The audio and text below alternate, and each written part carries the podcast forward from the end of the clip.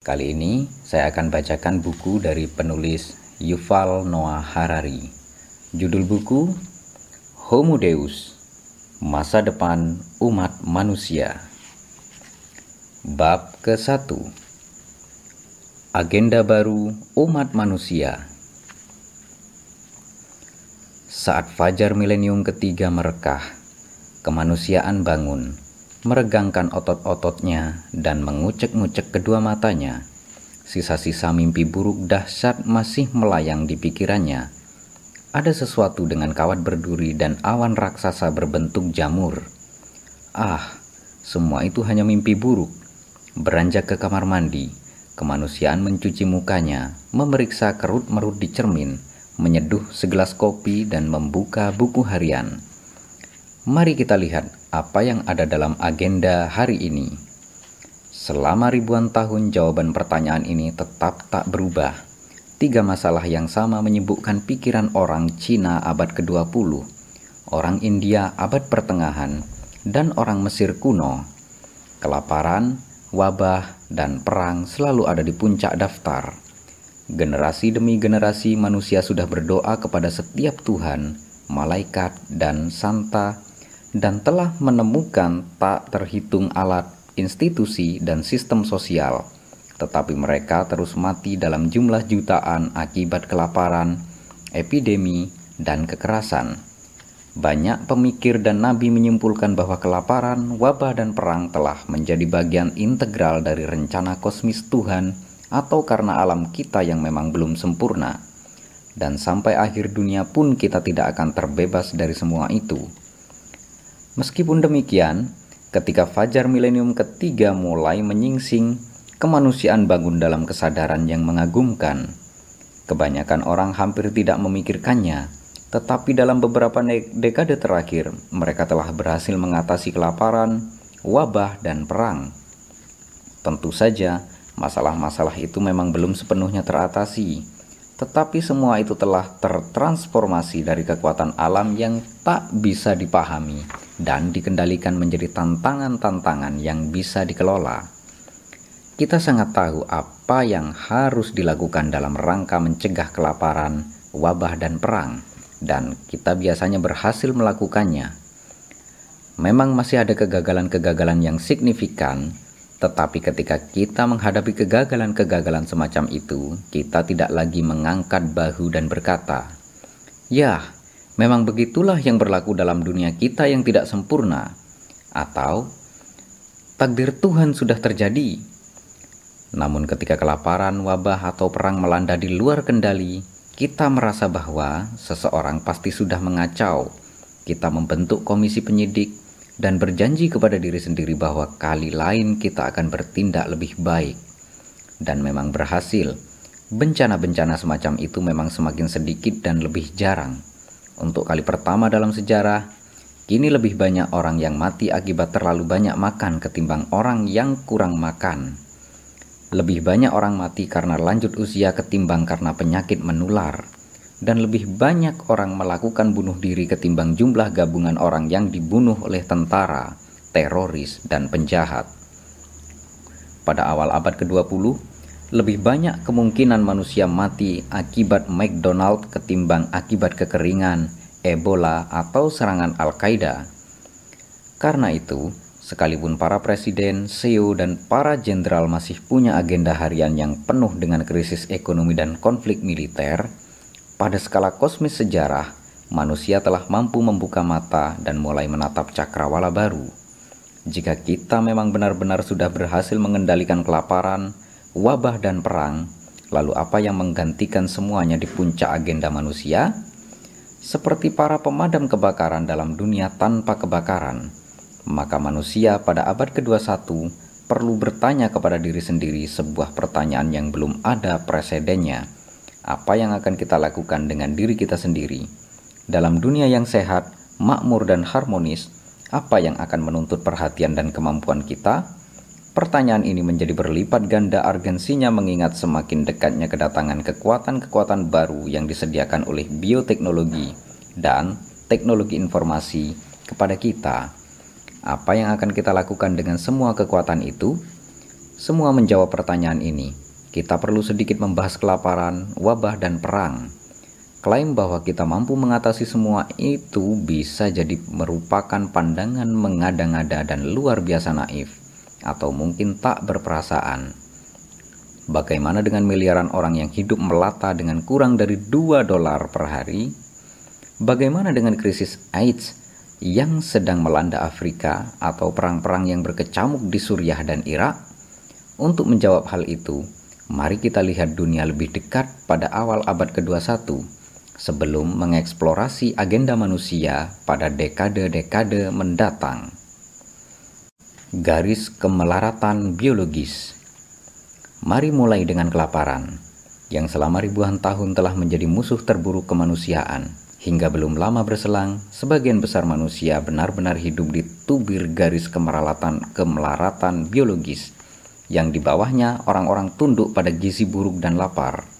Satu kesalahan kecil atau sedikit nasib buruk bisa dengan mudah menjadi hukuman mati bagi suatu bagi satu keluarga atau satu desa sekaligus. Jika hujan lebat menghancurkan panen gandum Anda atau perampok menjarah kambing ternak Anda, maka Anda dan orang-orang yang Anda cintai akan kelaparan sampai mati. Nasib buruk atau kebodohan pada tingkat kolektif mengakibatkan bencana kelaparan massal Ketika kekeringan parah melanda Mesir atau India abad pertengahan, bukan hal yang aneh bila 5-10% populasi musnah. Persediaan makanan menyusut, transportasi terlalu lambat dan mahal untuk mengimpor makanan yang cukup, dan pemerintah terlalu jauh serta lemah untuk memberi bantuan pada masa itu. Bukalah buku sejarah mana pun dan Anda sangat mungkin menjumpai catatan-catatan mengerikan populasi yang dilanda kelaparan dibuat gila oleh kelaparan. Pada April 1664, seorang pejabat Prancis di kota Beauvais menggambarkan dampak kelaparan dan melonjaknya harga-harga makanan dengan mengatakan bahwa wilayah kekuasaannya kini berisi jumlah tak terhitung jiwa-jiwa miskin, lemah akibat kelaparan dan kemelaratan, dan sekarat karena kekurangan dan karena tak punya pekerjaan atau kedudukan. Mereka tak punya uang untuk membeli roti. Untuk sedikit memperpanjang hidup dan sesuatu untuk mengatasi kelaparan mereka, kaum miskin ini mengkonsumsi makanan kotor layaknya kucing, juga sisa daging dari kuda yang dikuliti dan dilempar ke tumpukan kotoran. Yang lain mengkonsumsi darah yang mengalir saat sapi dan kerbau disembelih, dan jeruan yang dibuang para juru masak ke jalan. Orang-orang miskin yang malang lainnya makan jelatung dan rumput, atau akar rempah-rempah yang mereka rebus dengan air. Pemandangan serupa terjadi di seluruh Perancis. Cuaca buruk melumatkan panen di seluruh kerajaan itu selama beberapa tahun sebelumnya sehingga sampai dengan musim semi 1694, lumbung-lumbung pangan menjadi kosong melompong. Orang-orang kaya mematok harga tinggi gila-gilaan untuk apa pun makanan yang bisa mereka timbun, dan orang-orang miskin mati berbondong-bondong sekitar 2,8 juta orang Prancis, yakni 15% populasi, mati kelaparan antara 1692 sampai 1694. Sementara Raja Matahari, Louis ke-14, menghabiskan waktu bersama para gundiknya di Versailles. Tahun berikutnya, 1695, bencana kelaparan melanda Estonia, menewaskan seperlima populasi pada 1696 giliran Finlandia, di mana seperempat sampai sepertiga populasi mati. Skotlandia mengalami bencana kelaparan parah antara 1695 sampai 1698. Sebagian distriknya kehilangan hingga 20% penduduk. Sebagian besar pembaca mungkin tahu bagaimana rasanya saat harus tidak makan siang karena puasa untuk alasan keagamaan atau ketika Anda hidup selama beberapa hari dengan hanya mengkonsumsi larutan sayur sebagai bagian dari diet baru yang hebat. Namun bagaimana rasanya kalau Anda belum makan sama sekali selama beberapa hari dan tak punya gambaran di mana bisa mendapatkan sepotong makanan? Kebanyakan orang kini tidak pernah mengalami siksaan mengerikan ini. Para leluhur kita, oh, sangat tahu rasanya saat mereka menangis kepada Tuhan, "Bebaskanlah kami dari kelaparan." Hanya itulah yang ada dalam pikiran mereka. Dalam waktu beberapa ratus, beberapa ratus tahun terakhir ini, perkembangan teknologi, ekonomi, politik, telah menciptakan jaring pengaman yang semakin kuat dan memisahkan umat manusia dari garis kemelaratan biologis. Kelaparan massal memang masih melanda dari satu dari waktu ke waktu, tetapi semua itu pengecualian dan hampir selalu disebabkan oleh politik manusia ketimbang bencana alam. Tidak ada lagi bencana kelaparan alamiah di dunia, yang ada hanya bencana kelaparan politik jika orang-orang di Suriah, Sudan, atau Somalia mati kelaparan, itu karena sebagian politisi menginginkannya. Di sebagian besar planet-planet ini, sekalipun seseorang kehilangan pekerjaan dan semua harta miliknya, dia tak mungkin mati karena kelaparan. Skema asuransi pribadi, badan-badan pemerintah, dan NGO mungkin saja tidak menyelamatkannya dari kemiskinan, tetapi mereka akan memberinya kalori harian yang cukup untuk bertahan. Pada tingkat kolektif, Jaringan perdagangan dunia mengubah kekeringan dan banjir menjadi peluang bisnis dan mampu mengatasi kelangkaan pangan dengan cepat dan murah. Bahkan saat perang, gempa bumi atau tsunami meluluh lantakkan seluruh negara, upaya-upaya internasional biasanya berhasil dalam mencegah bencana kelaparan.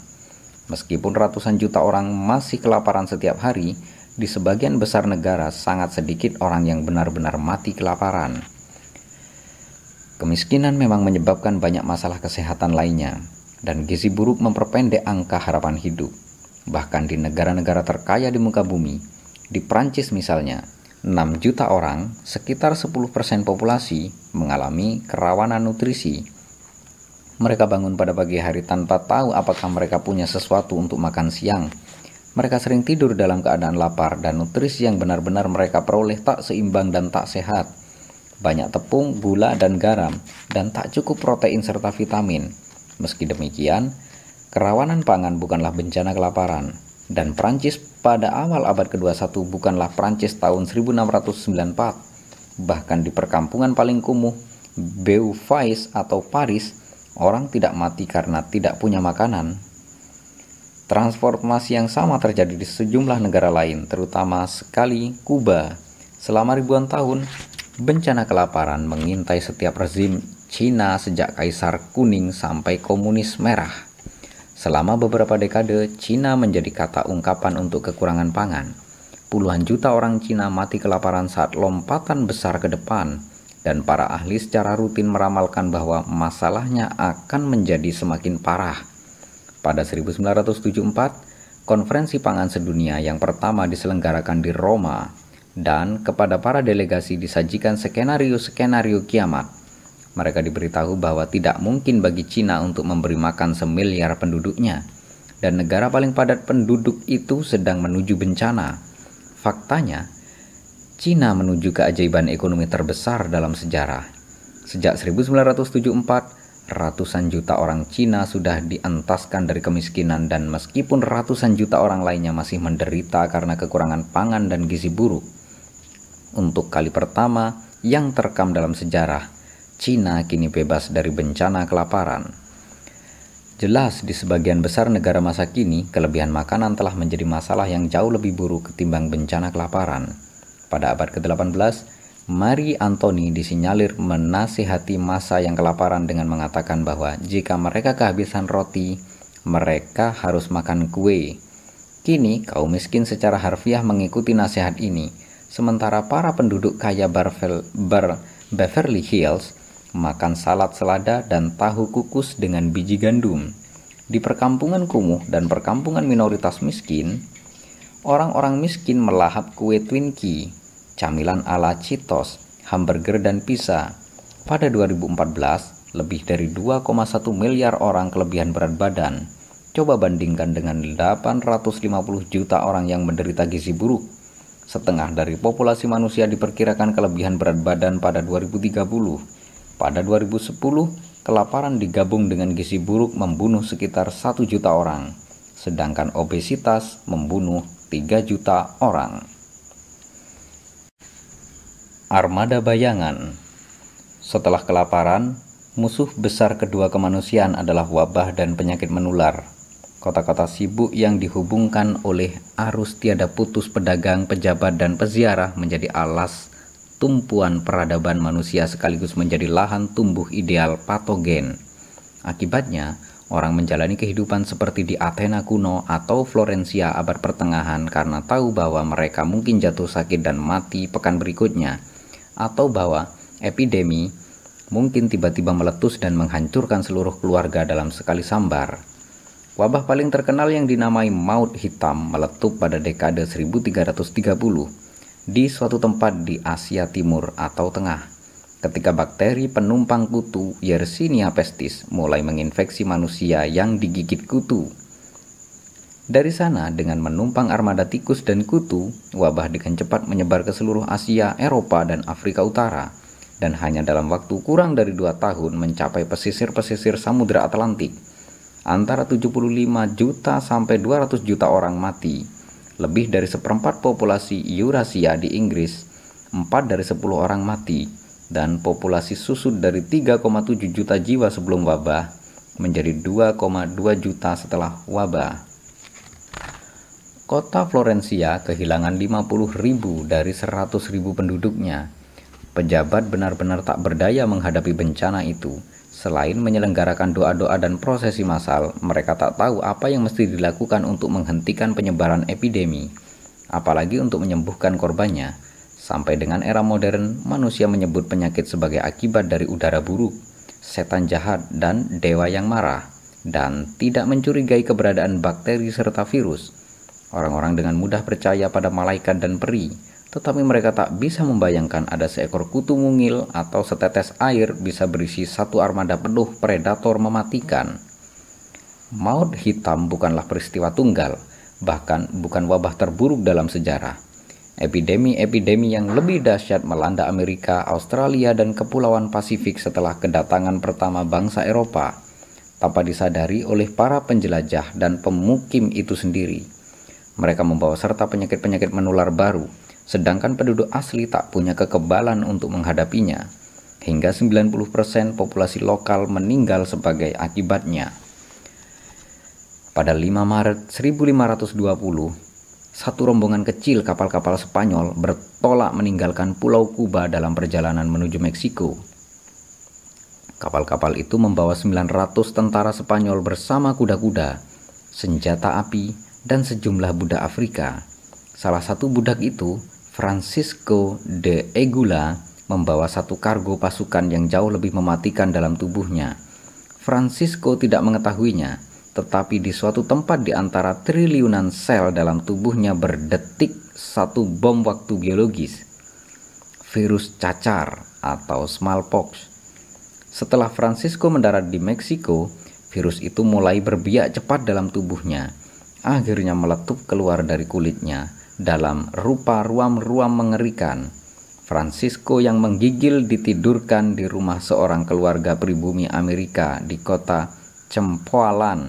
Dia menulari para anggota keluarga yang kemudian menulari tetangga-tetangganya. Dalam 10 hari, Campoalan menjadi sebuah lahan kuburan. Para pengungsi menyebarkan penyakit itu dari Campoalan ke kota-kota terdekat. Setelah satu demi satu kota takluk pada wabah itu, Gelombang-gelombang baru pengungsi yang ketakutan membawa penyakit itu ke seluruh Meksiko dan menyebar keluar. Masyarakat Maya di semenanjung Yucatan meyakini bahwa tiga dewa jahat, Experts, Uzankak, dan Sojakak terbang dari desa ke desa pada malam hari, menulari orang-orang dengan penyakit itu. Masyarakat suku Aztec menyebutnya sebagai ulah dewa Tezcatlipoca dan Sipototex atau mungkin sihir hitam orang-orang kulit putih. Para pendeta dan dokter dimintai pendapat. Mereka menyarankan berdoa, mandi air dingin, melumuri tubuh dengan bitumen, dan mengolesi luka dengan kumbang hitam yang digepengkan. Tak ada gunanya. Puluhan ribu mayat tergeletak membusuk di jalan-jalan dan tak seorang pun berani mendekati untuk menguburkannya. Banyak keluarga lenyap dalam beberapa hari dan pejabat memerintahkan agar rumah-rumah dirobohkan di atas mayat-mayat mereka. Di beberapa pemukiman, setengah populasi musnah. Pada September 1520, wabah sudah mencapai lembah Meksiko dan pada bulan Oktober memasuki gerbang-gerbang ibu kota Aztec, Tenochtitlan, sebuah, sebuah kota metropolitan megah berpenduduk 250 ribu jiwa dalam kurun dua bulan sedikitnya sepertiga penduduk musnah. termasuk Kaisar Aztec, Cuitlahuac. Sementara pada Maret 1520 saat armada Spanyol tiba, Meksiko berpenduduk 22 juta jiwa. Pada bulan Desember tinggal 14 juta yang masih hidup. Cacar baru pukulan pertama saat para tuan baru dari Spanyol itu sibuk memperkaya diri dan mengeksploitasi masyarakat pribumi, gelombang maut flu, kutu, dan berbagai penyakit menular lainnya menyerang Meksiko secara bergantian hingga pada tahun 1580. Penduduknya menjadi tak sampai satu juta. Dua abad kemudian pada 18 Januari 1778, penjelajah Inggris Kapten James Cook mencapai Hawaii. Kepulauan Hawaii berpenduduk padat setengah juta jiwa yang hidup terisolasi sepenuhnya dari Eropa maupun Amerika, dan karenanya tak pernah terpapar pada penyakit Eropa maupun Amerika. Kapten Cook dan rombongannya memperkenalkan flu pertama, tuberkulosis, dan sipilis ke Hawaii. Para pendatang Eropa berikutnya menambahkan tipes dan cacar. Pada 1853, hanya 70 ribu orang yang selamat di Hawaii epidemi terus membunuh puluhan juta jiwa sampai memasuki abad ke-20. Pada Januari 1918, bala tentara di parit-parit Prancis Utara mulai mati dalam jumlah ribuan akibat satu galur flu yang sangat ganas, yang dijuluki flu Spanyol. Garda depan itu merupakan ujung dari jaringan suplai global paling efisien yang pernah ada di dunia hingga sekarang. Manusia dan amunisi mengalir dari Inggris, Amerika Serikat, India, dan Australia minyak dikirim dari Timur Tengah, gandum dan sapi dari Argentina, karet dari Malaysia, dan tembaga dari Kongo. Sebagai gantinya, mereka semua dapat flu Spanyol. Dalam beberapa bulan saja, sekitar setengah miliar orang, sepertiga populasi global ambruk oleh virus itu. Di India, virus tersebut membunuh 5% populasi, atau 15 juta jiwa. Di Pulau Tahiti, 14% penduduk mati di Samoa 20%. Di pertambangan-pertambangan tembaga Kongo, satu dari lima buruh tewas. Wabah itu sekaligus membunuh antara 50 juta sampai 100 juta orang dalam waktu kurang dari satu tahun. Sementara Perang Dunia Pertama membunuh 40 juta orang dari tahun 1914 sampai 1818. Bersamaan dengan tsunami-tsunami wabah seperti itu, yang menyerang populasi manusia setiap beberapa dekade, masyarakat dunia juga menghadapi gelombang yang lebih kecil tetapi lebih rutin datang, yakni penyakit menular, yang membunuh jutaan orang setiap tahun. Anak-anak yang tak memiliki kekebalan paling rentan terhadap penyakit-penyakit itu sehingga sering disebut penyakit kanak-kanak. Hingga awal abad ke-20, sekitar sepertiga orang mati sebelum mencapai usia dewasa akibat kombinasi gizi buruk dan penyakit.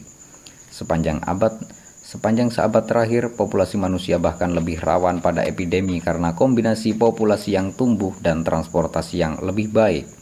Sebuah kota metropolitan seperti Tokyo atau Kinshasa menyediakan lahan terbaru yang jauh lebih kaya bagi penyakit ketimbang Florencia abad pertengahan atau tahun 1520.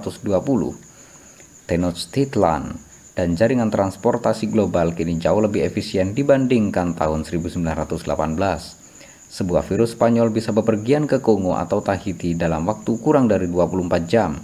Karena itu, kita seharusnya sudah hidup dalam sebuah neraka epidemiologis dengan satu demi satu wabah mematikan. Tetapi insiden maupun dampak dari epidemi sudah turun secara dramatis dalam beberapa dekade terakhir. Secara khusus, angka global kematian anak-anak berada pada tingkat terendah sepanjang sejarah. Kurang dari 5% anak mati sebelum memasuki usia dewasa. Keajaiban ini adalah berkat pencapaian di bidang kedokteran abad ke-20 yang belum terjadi sebelumnya, yang menyediakan untuk kita vaksinasi, antibiotik, dan ilmu kesehatan, serta infrastruktur medis yang lebih baik.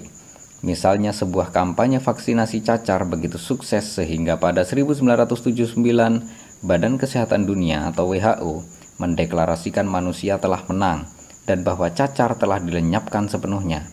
Itulah epidemi pertama yang pernah berhasil manusia enyahkan dari muka bumi. Pada 1967, cacar masih menjangkiti 15 juta orang dan membunuh 2 juta di antaranya. Tetapi pada 2014, tak seorang pun terjangkit atau dibunuh oleh cacar. Kemenangan itu begitu sempurna hari ini sehingga WHO menghentikan vaksinasi cacar pada manusia. Setiap beberapa tahun kita dicemaskan oleh satu ledakan potensial wabah baru seperti SARS pada tahun 2002 atau 2003, flu burung pada 2005, flu babi pada tahun 2009 atau 2010, dan Ebola pada tahun 2014. Namun berkat langkah-langkah penanggulangan yang efisien, Insiden-insiden tersebut sejauh ini menimbulkan jumlah korban yang secara komparatif rendah. SARS misalnya, semula membangkitkan kekhawatiran akan datangnya maut hitam baru, tetapi akhirnya menyebabkan kematian kurang dari seribu orang di seluruh dunia.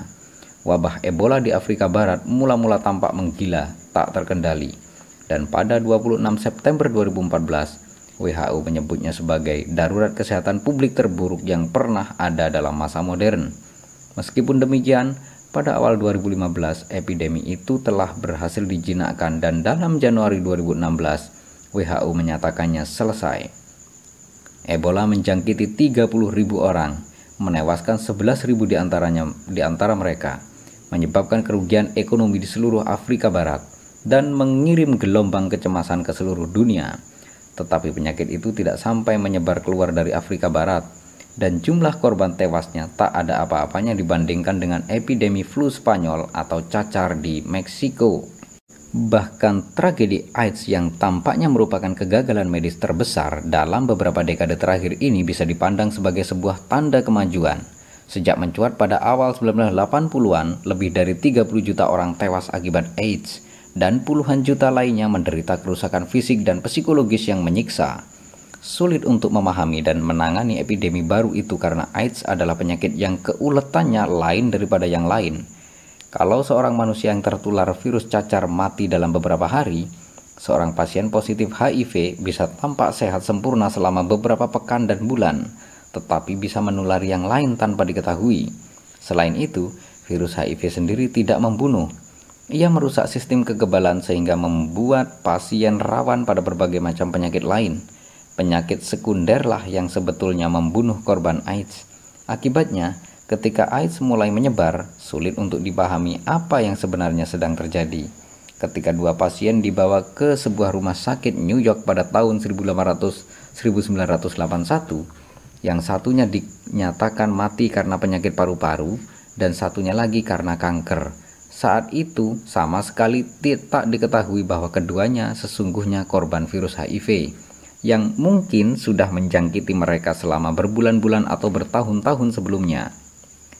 Tetapi terlepas dari kesulitan tersebut, setelah komunitas kedokteran menyadari adanya wabah baru misterius itu, para ilmuwan hanya butuh waktu dua tahun untuk mengidentifikasinya, memahami cara virus menyebar dan menyarankan cara-cara efektif untuk memperlambat epidemi. Dalam 10 tahun berikutnya, Obat-obatan baru mengubah AIDS dari vonis mati menjadi kondisi kronis. Sekurang-kurangnya mereka yang cukup kaya sanggup mendapatkan perawatan. Coba bayangkan, apa yang bakal terjadi seandainya AIDS muncul pada tahun 1581 dan bukan 1981? Dalam semua kemungkinan, tak seorang pun pada masa itu akan bisa mengetahui apa penyebab epidemi itu, bagaimana cara berpindah dari satu orang ke orang lain, atau bagaimana cara menghentikannya apalagi mengobatinya. Dalam kondisi seperti itu, AIDS mungkin akan membunuh ras manusia dalam proporsi yang jauh lebih besar, menyamai atau bahkan melampaui maut hitam. Terlepas dari jumlah korban AIDS yang menghebohkan itu, tak terlepas dari jutaan orang yang terbunuh setiap tahun oleh penyakit-penyakit yang sudah lama mapan seperti malaria, Epidemi adalah ancaman yang jauh lebih kecil bagi kesehatan manusia pada masa kini ketimbang milenium sebelumnya. Mayoritas besar orang mati akibat penyakit tak menular seperti kanker dan penyakit jantung, atau hanya karena usia tua. Kebetulan kanker dan penyakit jantung juga tentu saja bukan penyakit baru, sudah ada di zaman dulu. Pada era-era sebelumnya, relatif sedikit orang yang bisa hidup lama sampai ajal akibat kedua penyakit itu. Banyak yang takut bahwa ini hanya kemenangan sesaat dan bahwa suatu kerabat tak dikenal dari maut hitam sedang mengintai di satu sudut. Tak ada orang yang bisa menjamin bahwa wabah tidak akan kembali lagi. Tetapi ada sejumlah alasan bagus untuk berpikir bahwa perlombaan senjata antara para dokter dan kuman, dokter berlari lebih cepat, penyakit-penyakit menular baru muncul terutama sebagai akibat dari kemungkinan mutasi dalam genom penyakit. Mutasi-mutasi ini memungkinkan penyakit melompat dari binatang ke manusia untuk menaklukkan kekebalan sistem manusia atau resisten pada obat seperti antibiotik. Kini mutasi-mutasi semacam itu mungkin terjadi dan berbiak lebih cepat ketimbang pada masa lalu karena ulah manusia pada lingkungan. Namun dalam pertarungan melawan kedokteran, penyakit-penyakit pada akhirnya bergantung pada undian nasib. Sebaliknya, para dokter mengandalkan lebih dari sekedar keberuntungan. Meskipun keberuntungan banyak sekali berjasa pada sains, para dokter tidak semata-mata menuang bermacam-macam bahan kimia ke tabung uji lalu berhasil secara kebetulan mendapatkan obat baru. Tahun demi tahun, para dokter mengakumulasi pengetahuan yang semakin baik dan semakin baik, yang mereka gunakan dalam rangka merancang pengobatan dan perawatan yang lebih baik. Akibatnya, meskipun pada 2050 kita tak diragukan lagi bakal menghadapi kuman-kuman yang lebih tangkas, kedokteran pada 2050 tampaknya akan mampu mengatasi mereka secara lebih efisien ketimbang hari ini. Pada 2015, para dokter mengumumkan penemuan sebuah jenis antibiotik yang sama sekali baru, Teixobactin. Bakteri belum punya kemampuan untuk resisten menghadapinya. Sebagian ahli percaya Teixobactin bisa menjadi kunci pengubah permainan dalam perang melawan kuman-kuman yang sangat resisten. Para ilmuwan juga mengembangkan perawatan-perawatan baru yang revolusioner yang caranya berbeda secara radikal dari kedokteran yang sudah-sudah Misalnya, sejumlah laboratorium kini sudah dihuni robot-robot nano yang suatu hari mungkin akan bergerak dalam aliran darah kita, mengidentifikasi penyakit dan membunuh penyakit dan sel-sel kanker. Mikroorganisme-mikroorganisme mungkin punya 4 miliar tahun pengalaman kumulatif dalam memerangi musuh organik. Tetapi mereka nyata-nyata nol pengalaman dalam memerangi predator bionik, sehingga kesulitan mereka akan berlipat ganda untuk mengembangkan pertahanan yang efektif. Jadi sementara kita tidak bisa tahu pasti bahwa suatu wabah baru Ebola atau galur flu tak dikenal tidak akan melanda dunia dan membunuh jutaan orang. Kita tidak akan menganggap ini sebagai bencana alam yang tak terelakkan, namun kita akan lebih melihatnya sebagai sebuah kegagalan manusiawi yang tak bisa dimaklumi begitu saja dan menuntut pihak-pihak terkait untuk bertanggung jawab. Ketika pada akhir musim panas 2014, Selama beberapa pekan yang mencemaskan seperti Ebola sedang di atas angin melawan otoritas kesehatan global, beberapa komite penyidik baru-baru dibentuk. Sebuah laporan awal yang diterbitkan pada 18 Oktober 2014 mengkritisi Badan Kesehatan Dunia atas reaksi yang tak memuaskan pada wabah itu, menyebut epidemi itu sebagai akibat dari korupsi dan inefisiensi di cabang WHO Afrika Kritik lebih jauh menengarai bahwa manusia memiliki pengetahuan dan alat untuk mencegah wabah, dan jika sebuah epidemi ternyata tak terkendali, itu karena manusia tidak kompeten, bukan karena kemarahan ilahi. Serupa dengan itu, fakta bahwa AIDS terus menjangkiti dan membunuh jutaan orang di sub-Sahara Afrika selama bertahun-tahun setelah para dokter memahami mekanisme juga dipandang sebagai akibat dari kegagalan manusia, bukan nasib buruk. Dengan demikian, dalam perjuangan melawan bencana alam seperti AIDS dan Ebola, perimbangan kekuatannya mengunggulkan manusia. Namun bagaimana dengan bahaya dari sifat yang melekat pada manusia itu sendiri? Bioteknologi memungkinkan kita mengalahkan bakteri dan virus, tetapi pada saat yang sama mengubah manusia sendiri menjadi ancaman yang tak ada presidennya Alat sama yang memungkinkan para dokter dengan cepat mengidentifikasi dan mengobati penyakit-penyakit baru juga memungkinkan militer dan teroris merekayasa penyakit yang lebih mengerikan dan penyakit kiamat. Karena itu sangat mungkin epidemi akan terus membahayakan manusia pada masa depan hanya jika umat manusia sendiri menciptakannya. Dari kepentingan ideologi yang kejam, Era ketika manusia berdiri tak berdaya di hadapan epidemi alamiah mungkin sudah usai namun kita bisa saja masih keliru. Melanggar hukum rimba. Berita bagus yang ketiga ialah mulai menghilangnya perang di muka bumi. Sepanjang sejarah, sebagian besar manusia memandang perang sebagai hal lumrah, sedangkan perdamaian adalah keadaan sementara dan tidak pasti. Hubungan internasional diatur dengan hukum rimba yang menurut ketentuannya, sekalipun dua pemerintahan hidup berdamai, perang selalu menjadi perang selalu tetap menjadi opsi. Misalnya, sekalipun Jerman dan Prancis berdamai pada tahun 1913, setiap orang tahu bahwa mereka bisa berkelahi pada 1914. Setiap kali para politisi, jenderal pebisnis, dan warga negara biasa membuat rencana untuk masa depan, mereka selalu menyisakan ruang untuk perang. Dari zaman batu sampai abad mesin uap, dan dari Arktik sampai Sahara, setiap orang di muka bumi tahu bahwa sewaktu-waktu tetangga bisa menginvasi teritori, mengalahkan angkatan perang, membantai orang-orang, dan menduduki tanah mereka. Dalam paruh kedua abad ke-20, hukum rimba ini akhirnya dilanggar kalau bukan dihapuskan, di sebagian besar wilayah perang menjadi semakin jarang dibandingkan era-era sebelumnya. Kalau dalam masyarakat agrikultur kuno, kekerasan manusia menyebabkan sekitar 15% kematian. Dalam abad ke-20, kekerasan menyebabkan hanya 5% kematian. Dan pada awal abad ke-21, berkontribusi hanya 1% dari angka kematian global. Pada 2012, sekitar 56 juta orang mati di seluruh dunia, 600 ribu di antaranya akibat kekerasan manusia. Perang membunuh 120 ribu orang dan kejahatan membunuh 500 ribu lainnya. Bandingkan 800 ribu orang melakukan bunuh diri dan 1,5 juta orang mati karena diabetes dan saat ini gula lebih berbahaya daripada bubuk mesiu. Hal yang lebih penting lagi, satu segmen populasi manusia yang sedang tumbuh sudah bisa melihat bahwa perang itu memang tidak bisa dibayangkan. Untuk kali pertama dalam sejarah, ketika banyak pemerintahan, korporasi, dan pribadi individual memandang dalam dalam masa depan yang terjangkau oleh persepsi mereka, perang tidak akan terjadi lagi. Senjata nuklir telah mengubah perang antar negara adik kuasa menjadi aksi gila bunuh diri bersama sehingga memaksa sebagian besar negara yang paling kuat di muka bumi untuk mencari cara-cara alternatif yang damai dalam menyelesaikan konflik. Secara simultan, ekonomi global telah tertransformasi dari ekonomi berbasis materi menjadi ekonomi berbasis pengetahuan. Sebelumnya, sumber utama kekayaan adalah aset material seperti tambang emas, ladang gandum, dan sumur-sumur minyak. Kini sumber utama kekayaan adalah pengetahuan. Dan walaupun Anda bisa menaklukkan ladang-ladang minyak melalui perang, Anda tidak bisa merebut pengetahuan dengan cara seperti itu. Karena itu, setelah pengetahuan menjadi sumber daya ekonomi paling penting, keuntungan dari perang pun menyusut seperti perang-perang di Timur Tengah dan Afrika Tengah, yang negara-negaranya masih bergaya lama dengan ekonomi berbasis materi.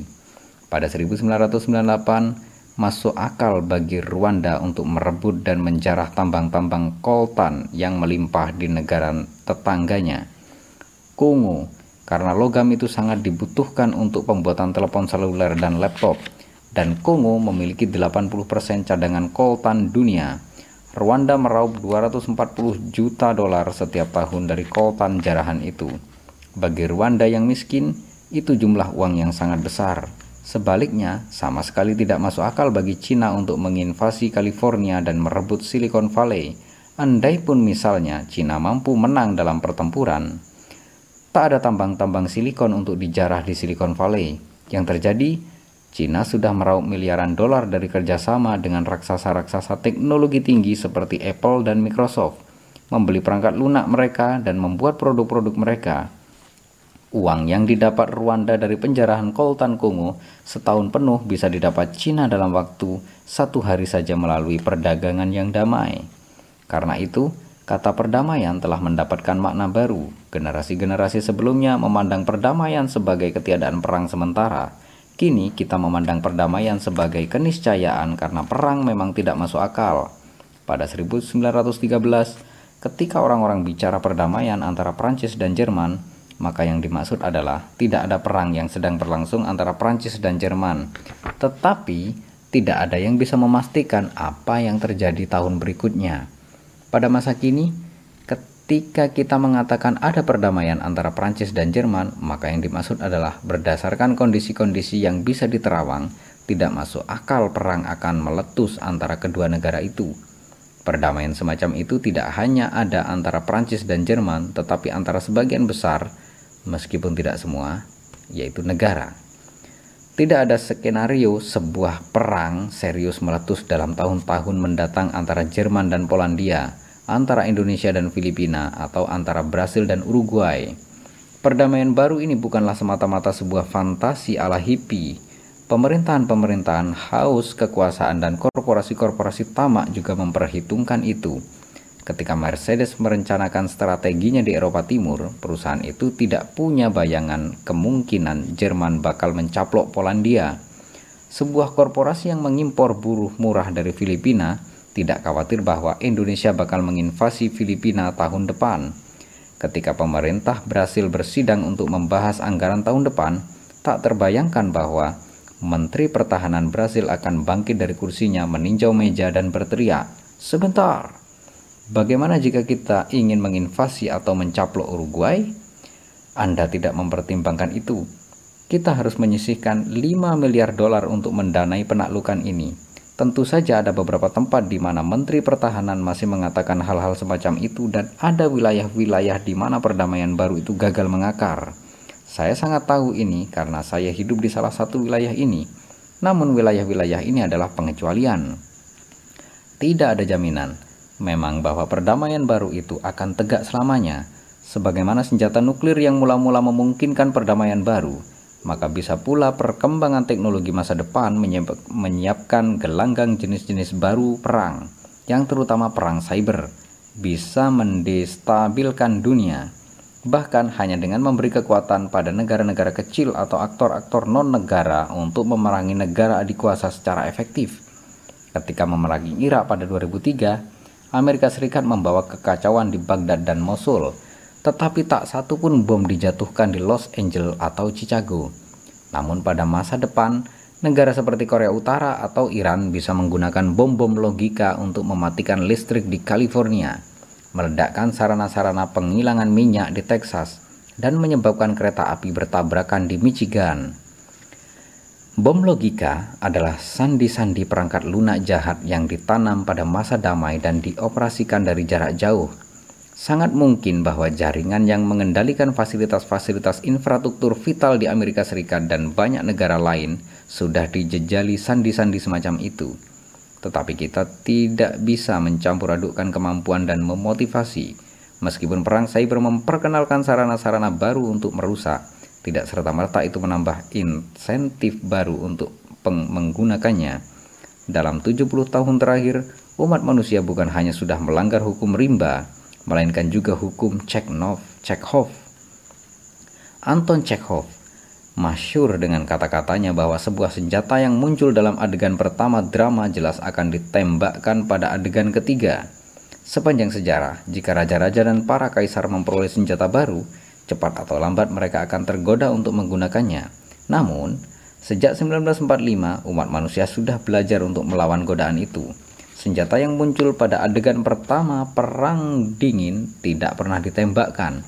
Sampai sekarang kita sudah terbiasa hidup dalam dunia yang penuh dengan bom-bom yang tak dijatuhkan dan misil-misil yang tak diluncurkan dan sudah menjadi ahli dalam melanggar hukum rimba maupun hukum Chekhov. Jika hukum-hukum ini mampu mengungguli kita, maka itu kesalahan kita, bukan takdir yang tak terelakkan. Lalu bagaimana dengan terorisme? Sekalipun jika pemerintahan pusat dari negara-negara adik kuasa sudah belajar untuk menahan diri, para teroris mungkin tak sungkan-sungkan menggunakan senjata-senjata baru dan destruktif. Itu jelas sebuah kemungkinan yang mencemaskan. Namun terorisme adalah sebuah strategi kelemahan yang dipilih oleh mereka yang tak punya akses pada kekuasaan real Sekurang-kurangnya pada masa lalu, teroris bekerja dengan menyebarkan ketakutan, bukan dengan menyebabkan kerusakan material yang signifikan. Para teroris biasanya tidak memiliki kekuatan untuk mengalahkan angkatan perang, menduduki sebuah negara, atau menghancurkan seisi kota. Sementara pada 2010, obesitas dan penyakit-penyakit terkait membunuh sekitar 3 juta jiwa. Para teroris membunuh total 7.696 orang di seluruh dunia sebagian besar di negara-negara berkembang. Bagi rata-rata warga Amerika dan Eropa, Coca-Cola menjadi ancaman yang jauh lebih mematikan ketimbang Al-Qaeda.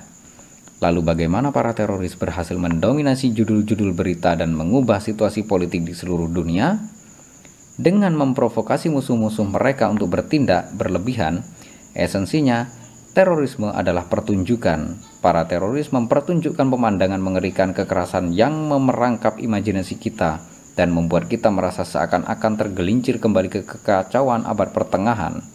Akibatnya, negara-negara sering merasa wajib untuk tampil di panggung terorisme dengan bertujuan keamanan, menggelar tampilan kekuatan besar-besaran, seperti persekusi seluruh populasi atau invasi negara-negara asing. Dalam banyak kasus, tindakan berlebihan terhadap terorisme justru menjadi ancaman yang lebih besar bagi keamanan kita ketimbang para teroris itu sendiri. Para terorisme itu seperti lalat yang berusaha menghancurkan sebuah toko Cina. Lalat begitu lemah sehingga tidak mampu menggeser sebuah cangkir teh.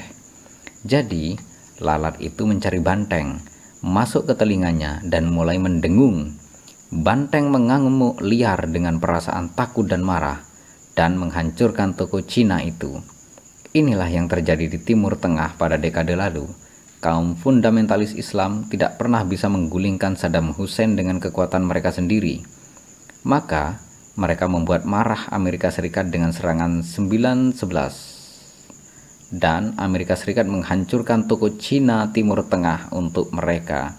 Kini mereka bersinar di reruntuhan.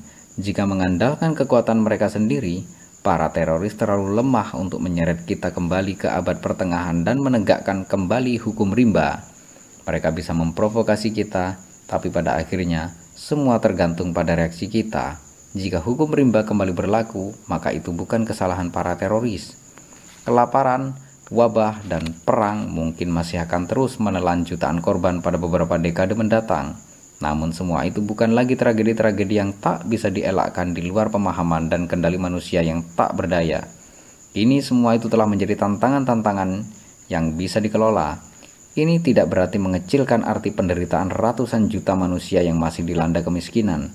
Jutaan orang yang tumbang setiap hari akibat malaria, AIDS, dan tuberkulosis, atau jutaan orang yang terperangkap dalam lingkaran setan kekerasan di Suriah, Kongo, atau Afghanistan.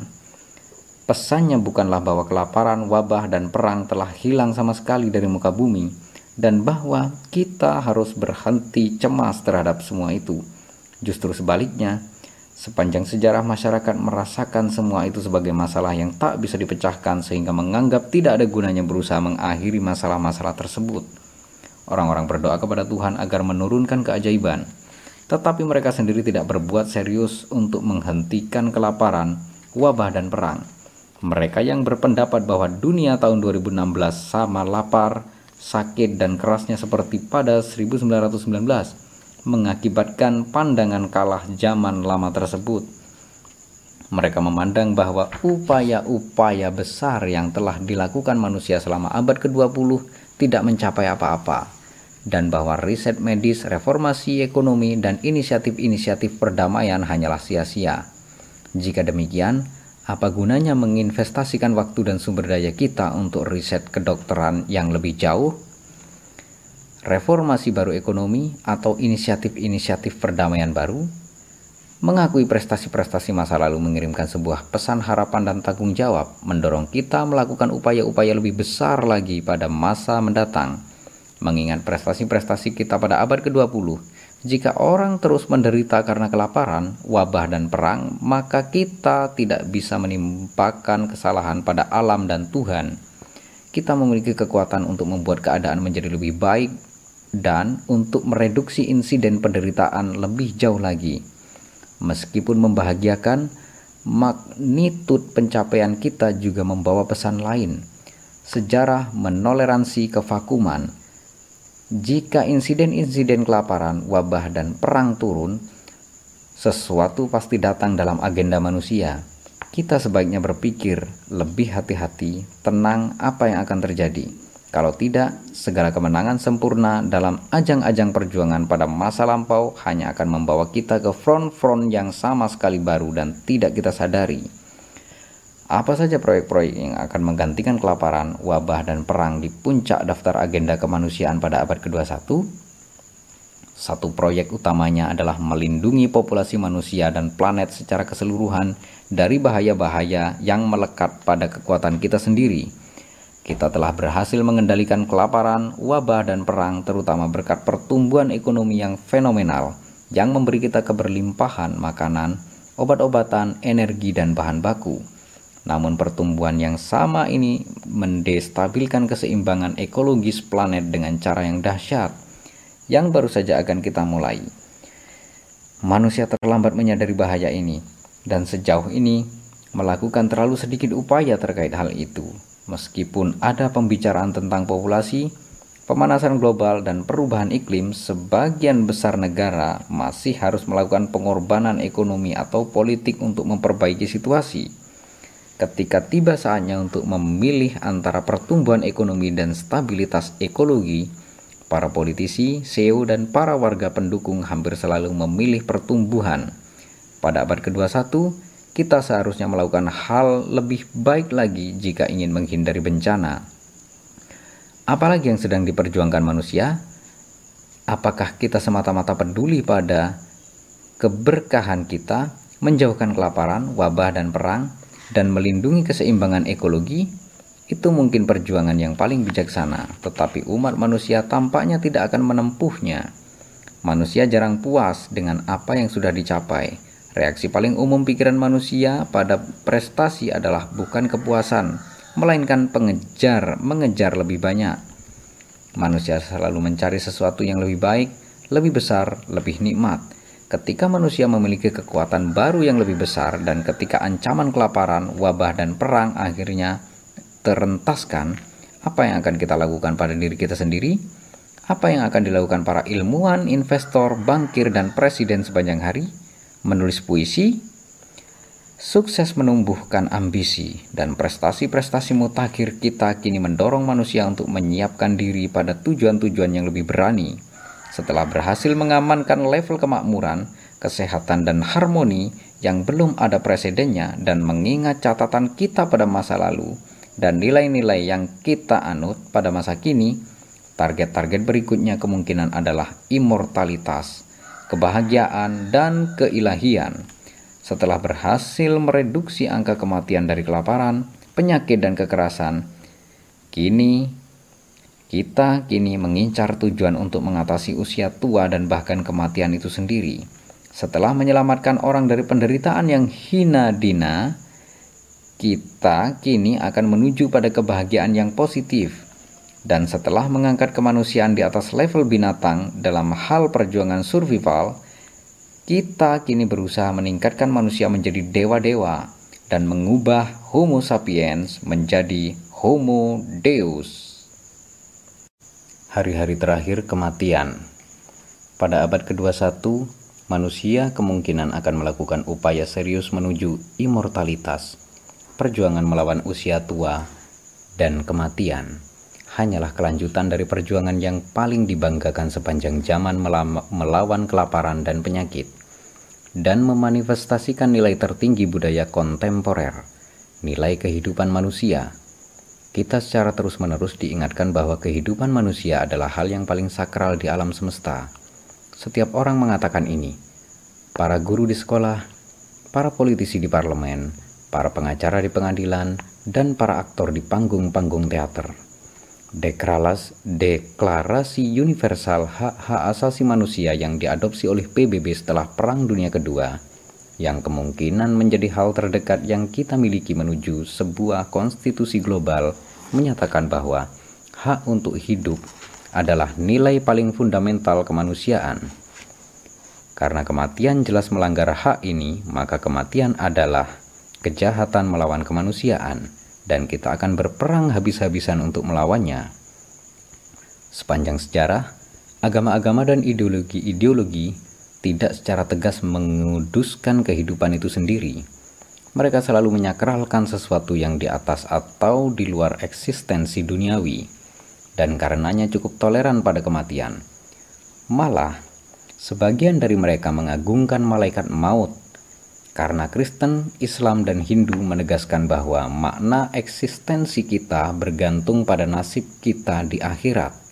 Mereka memandang kematian adalah bagian vital dan positif dari dunia.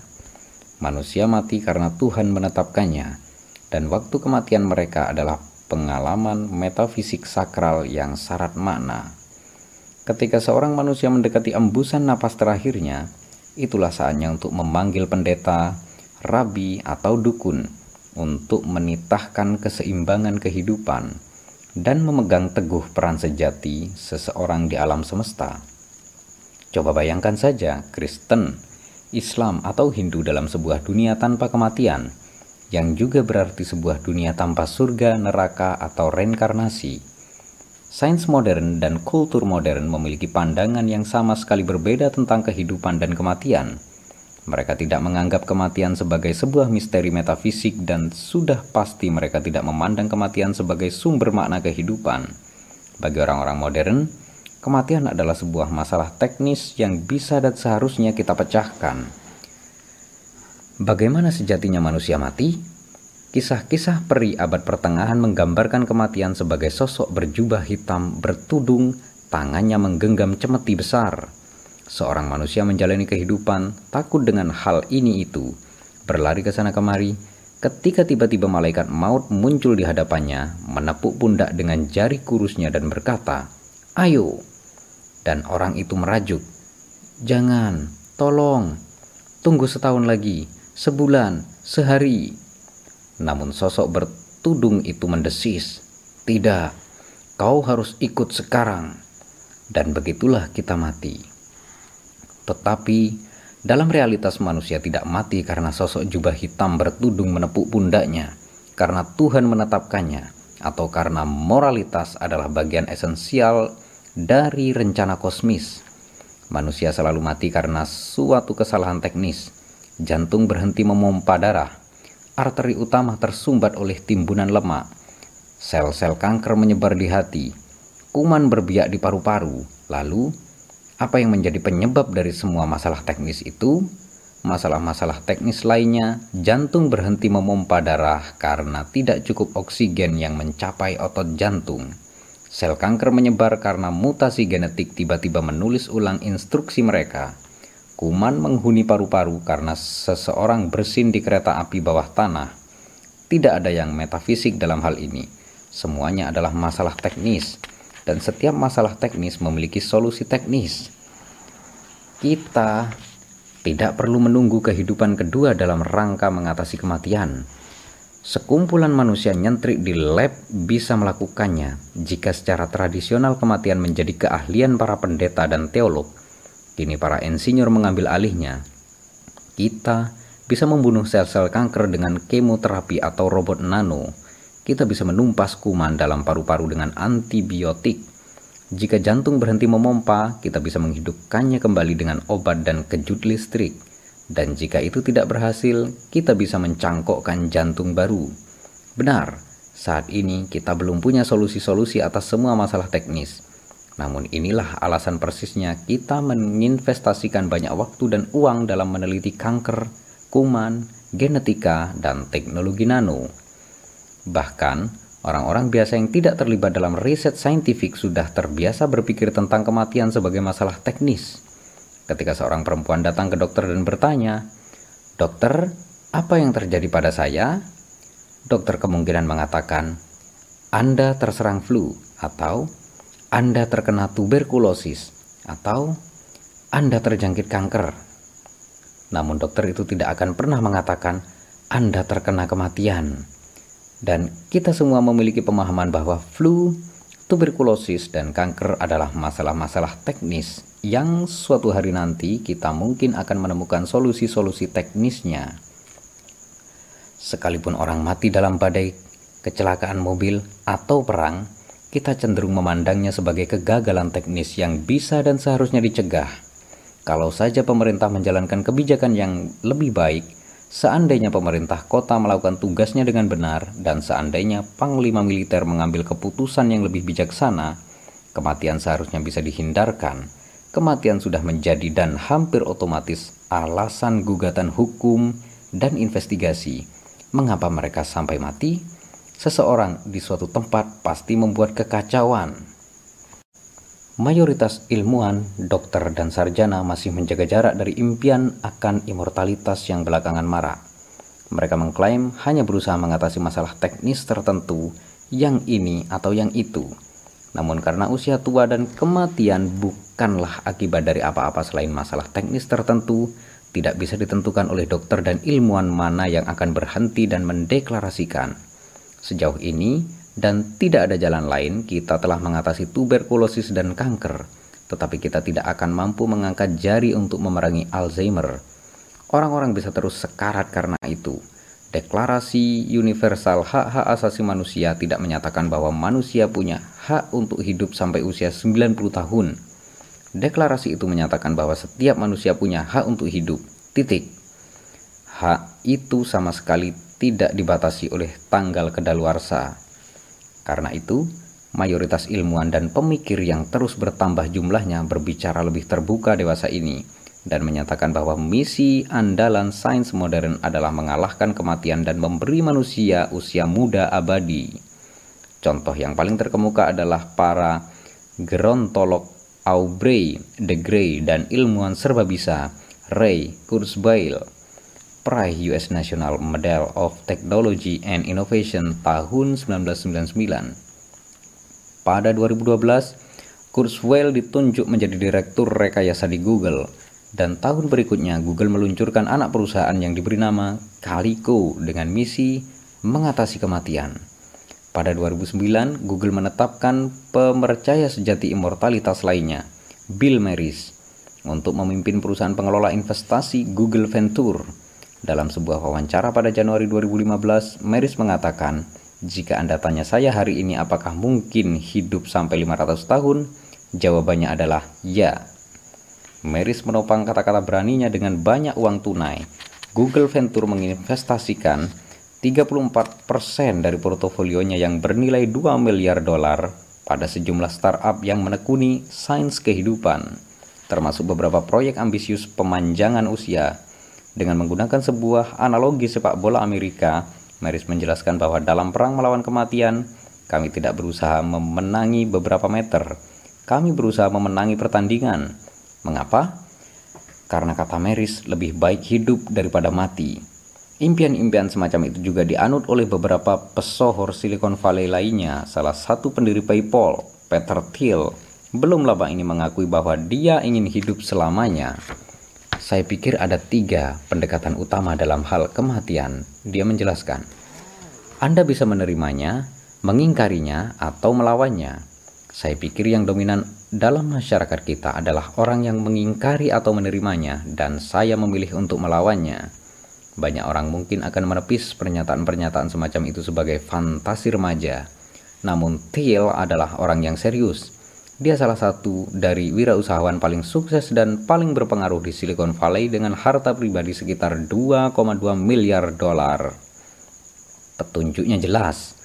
Kesetaraan hilang, immortalitas datang mengganti.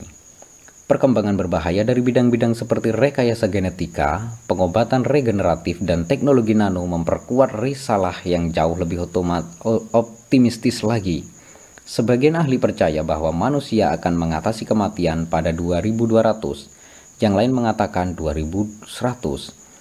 Kurzweil dan De Grey bahkan lebih optimistis. Mereka mengemukakan bahwa dengan memiliki badan yang sehat dan rekening yang sehat di bank, pada tahun 2050 akan menghasilkan pencapaian serius dalam immortalitas dengan menyiasati kematian satu dekade dalam satu waktu. Menurut Kurzweil dan De Grey, setiap 10 tahun atau lebih kita akan menuju klinik dan menerima perawatan perombakan yang tidak hanya akan mengobati penyakit, tetapi juga untuk meregenerasi lembaran sel yang dan memperbaiki tangan, mata, serta otak. Sebelum tiba masa perawatan berikutnya, para dokter sudah menemukan bertumpuk-tumpuk obat baru, kemajuan-kemajuan dan gawai. Jika Kurzweil dan De Grey memang benar, mungkin sudah ada sosok-sosok immortal yang sedang berjalan di dekat Anda di jalan-jalan.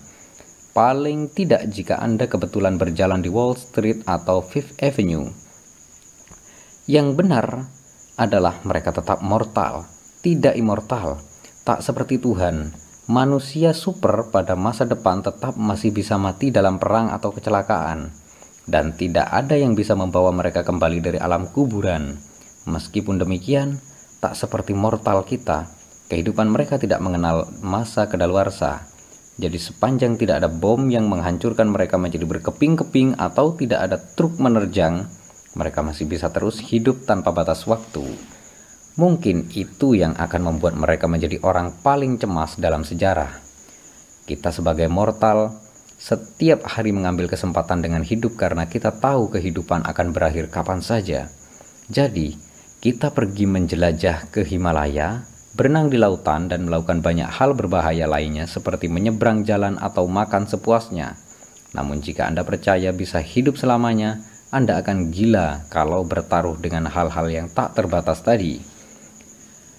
Mungkin kalau begitu apakah kita lebih baik memulai dengan tujuan yang lebih sederhana seperti melipat gandakan angka harapan hidup?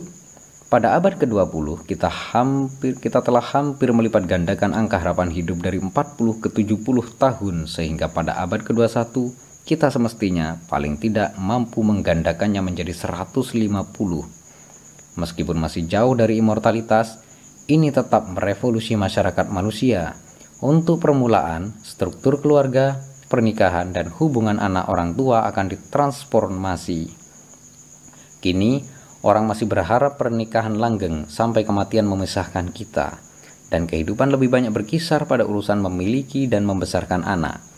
Kini coba bayangkan seseorang dengan masa kehidupan 150 tahun, menikah pada usia 40 tahun, dia masih punya 110 tahun untuk dijalani, Apakah realistis untuk berharap pernikahannya berlangsung selama 110 tahun? Bahkan kaum fundamentalis Katolik pun mungkin menolaknya. Karena itu, tren mutakhir pernikahan serial mungkin akan semakin marak. Membesarkan dua anak pada usia 40 tahun, saat usianya mencapai 120 tahun, ia hanya akan punya kenangan samar-samar tentang tahun-tahun membesarkan mereka. Episode yang kecil dalam kehidupan panjangnya. Sulit untuk membayangkan bagaimana jenis baru hubungan orang tua anak akan berkembang dalam keadaan seperti ini. Atau bayangkan karir profesional. Kini kita asumsikan bahwa Anda mempelajari sebuah profesi pada usia remaja atau 20-an, kemudian menghabiskan sisa hidup Anda di barisan kerja. Anda jelas mempelajari hal-hal baru bahkan pada usia 40-an dan 50-an. Tetapi hidup umumnya terbagi menjadi periode belajar diikuti periode kerja kalau Anda hidup terus sampai 150 tahun, itu tak akan bisa berlaku, terutama dalam sebuah dunia yang terus-menerus diguncang teknologi-teknologi baru. Orang-orang akan punya karir yang lebih panjang dan harus menemukan diri lagi dan lagi, bahkan pada usia 90 tahun. Pada saat yang sama, orang tidak akan pensiun pada usia 65 tahun dan tidak akan memberi jalan bagi generasi baru dengan ide-ide serta aspirasi barunya. Ingat kata-kata masyur fisikawan Max Planck bahwa sains mendahului sebuah pemakaman dalam satu waktu. Maksudnya, hanya ketika satu generasi berlalu, teori-teori baru punya kesempatan untuk membersihkan teori lama. Ini tidak hanya berlaku pada sains. Pikiran sesaat tentang tempat kerja Anda, tak peduli Anda seorang cendekiawan, wartawan, juru masak, atau pemain sepak bola, bagaimana Anda merasa jika bos Anda berusia 120 tahun dan ide-idenya dibentuk ketika Victoria masih menjadi ratu dan dia tampaknya akan tetap menjadi bos Anda selama beberapa dekade lagi? Dalam dunia politik, akibat bahkan bisa lebih parah. Apakah Anda mau Putin tetap berkuasa 90 tahun lagi? Kalau dipikir-pikir lagi, jika orang hidup sampai 150 tahun, maka pada 2016 Stalin masih menguasai Moskow menguat pada usia 138 tahun, ketua Mao akan masih berusia tengah baya 123 tahun dan putri Elizabeth akan duduk anteng menanti saat untuk mewarisi tahta dari George ke-6 yang berusia 121 tahun. Putranya, Charles tidak akan mendapat giliran sampai tahun 2076 Kembali ke alam kenyataan, masih sangat jauh dari pasti apakah risalah Kurzweil dan The Grey akan terwujud pada 2050 atau 2100. Pandangan saya sendiri adalah bahwa harapan-harapan untuk usia muda abadi pada abad ke-21 adalah prematur, dan siapa pun yang mempercayainya terlalu serius akan sangat kecewa. Memang tidak mudah untuk hidup dengan mengetahui bahwa Anda akan mati, tetapi bahkan lebih sulit lagi untuk percaya pada immortalitas dan kemudian terbukti salah. Meskipun rata-rata harapan hidup sudah berlipat ganda pada 100 tahun terakhir, tak ada alasan untuk meramalkan dan menyimpulkan bahwa kita bisa menggandakannya untuk sampai 150 tahun pada abad mendatang. Pada 1900, angka harapan hidup tidak lebih tinggi dari 40 tahun. Karena banyak orang mati muda akibat gizi buruk, penyakit menular, dan kekerasan. Namun mereka yang selamat dari kelaparan, wabah, dan perang pun bisa hidup sampai usia 70 dan 80 tahun, yang merupakan rentang hidup alamiah Homo sapiens. Bertentangan dengan pandangan umum, orang-orang berusia 70 tahun tidaklah dipandang sebagai keganjilan yang jarang pada abad-abad sebelumnya. Galileo Galilei meninggal pada usia 77 tahun. Isaac Newton pada usia 84 tahun. Michelangelo hidup sampai usia matang 88 tahun tanpa bantuan antibiotik, vaksinasi, atau transplantasi organ. Bahkan, simpanse di hutan belantara kadang-kadang bisa hidup sampai usia 60-an. Hal yang sesungguhnya terjadi sejauh ini kedokteran modern belum memperpanjang rentang kehidupan alamiah setahun pun. Prestasi besarnya adalah menyelamatkan kita dari kematian prematur dan memungkinkan kita menikmati rentang penuh tahun-tahun usia kita. Sekalipun jika kita dapat mengatasi kanker, diabetes, dan pembunuh-pembunuh besar lainnya, itu hanya berarti bahwa hampir setiap orang akan bisa hidup 90 tahun tetapi tidak akan cukup untuk mencapai 150, apalagi 500 tahun. Untuk itu, kedokteran akan perlu merancang ulang sebagian besar struktur proses fundamental tubuh manusia dan menemukan cara meregenerasi organ-organ dan daging. Sama sekali tidak jelas bahwa kita akan dapat melakukannya pada tahun 2100. Tetapi bagaimanapun, setiap usaha yang gagal untuk mengatasi kematian akan membawa selangkah lebih dekat pada target dan itu akan mengilhami harapan-harapan yang lebih besar serta mendorong orang untuk melakukan upaya yang lebih besar lagi. Meskipun Kaliko milik Google mungkin tidak akan mengatasi kematian tepat waktu untuk membuat pendiri Google, Sergey Brin dan Larry Page menjadi immortal, upaya itu sangat mungkin dapat menghasilkan penemuan-penemuan signifikan di bidang biologi sel, kedokteran genetika, dan kesehatan manusia. Oleh karena itu, Generasi berikutnya, orang-orang Google bisa memulai serangan mereka pada kematian dari posisi-posisi yang lebih baik. Para ilmuwan yang meneriakkan immortalitas seperti seperti anak lelaki yang berteriak, "Ada serigala!" Cepat atau lambat serigala akan benar-benar datang. Karena itu, sekalipun jika kita tidak mencapai immortalitas pada masa kita, perang melawan kematian tampaknya masih akan menjadi proyek-proyek ambisius pada abad mendatang.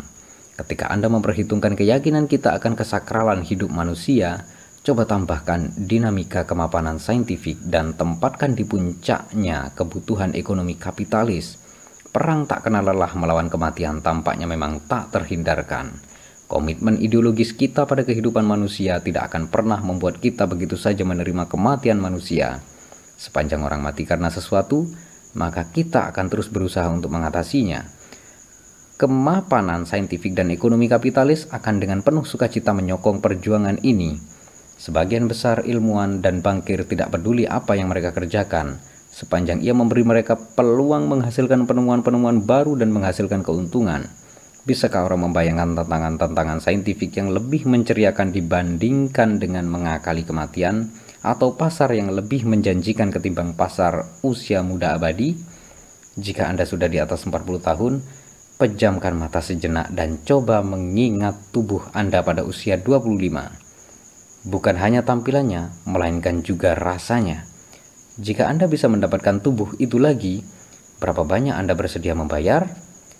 Tak diragukan lagi, sebagian orang akan dengan bahagia menepis peluang itu, tetapi sebagian pelanggan akan membayar berapapun untuk mendapatkannya sehingga menciptakan peluang pasar yang nyaris tak terbatas. Jika semua itu tak cukup, Ketakutan pada kematian yang sudah tertanam pada sebagian besar manusia akan memberi perang melawan kematian momentum yang sangat menarik. Sepanjang orang berasumsi bahwa kematian tak terelakkan, mereka melatih diri dari usia dini untuk menekan hasrat hidup selamanya atau memanfaatkan untuk tujuan-tujuan substitusi, pengganti dari kehidupan abadi. Orang ingin hidup selamanya sehingga mereka mengarang simfoni immortal, mereka memburu kejayaan abadi dalam perang atau bahkan mengorbankan mengorbankan kehidupan agar ruh mereka menikmati kebahagiaan abadi di surga. Sebagian besar dari kreativitas artistik, komitmen politika, dan kesalehan religius kita digerakkan oleh ketakutan pada kematian.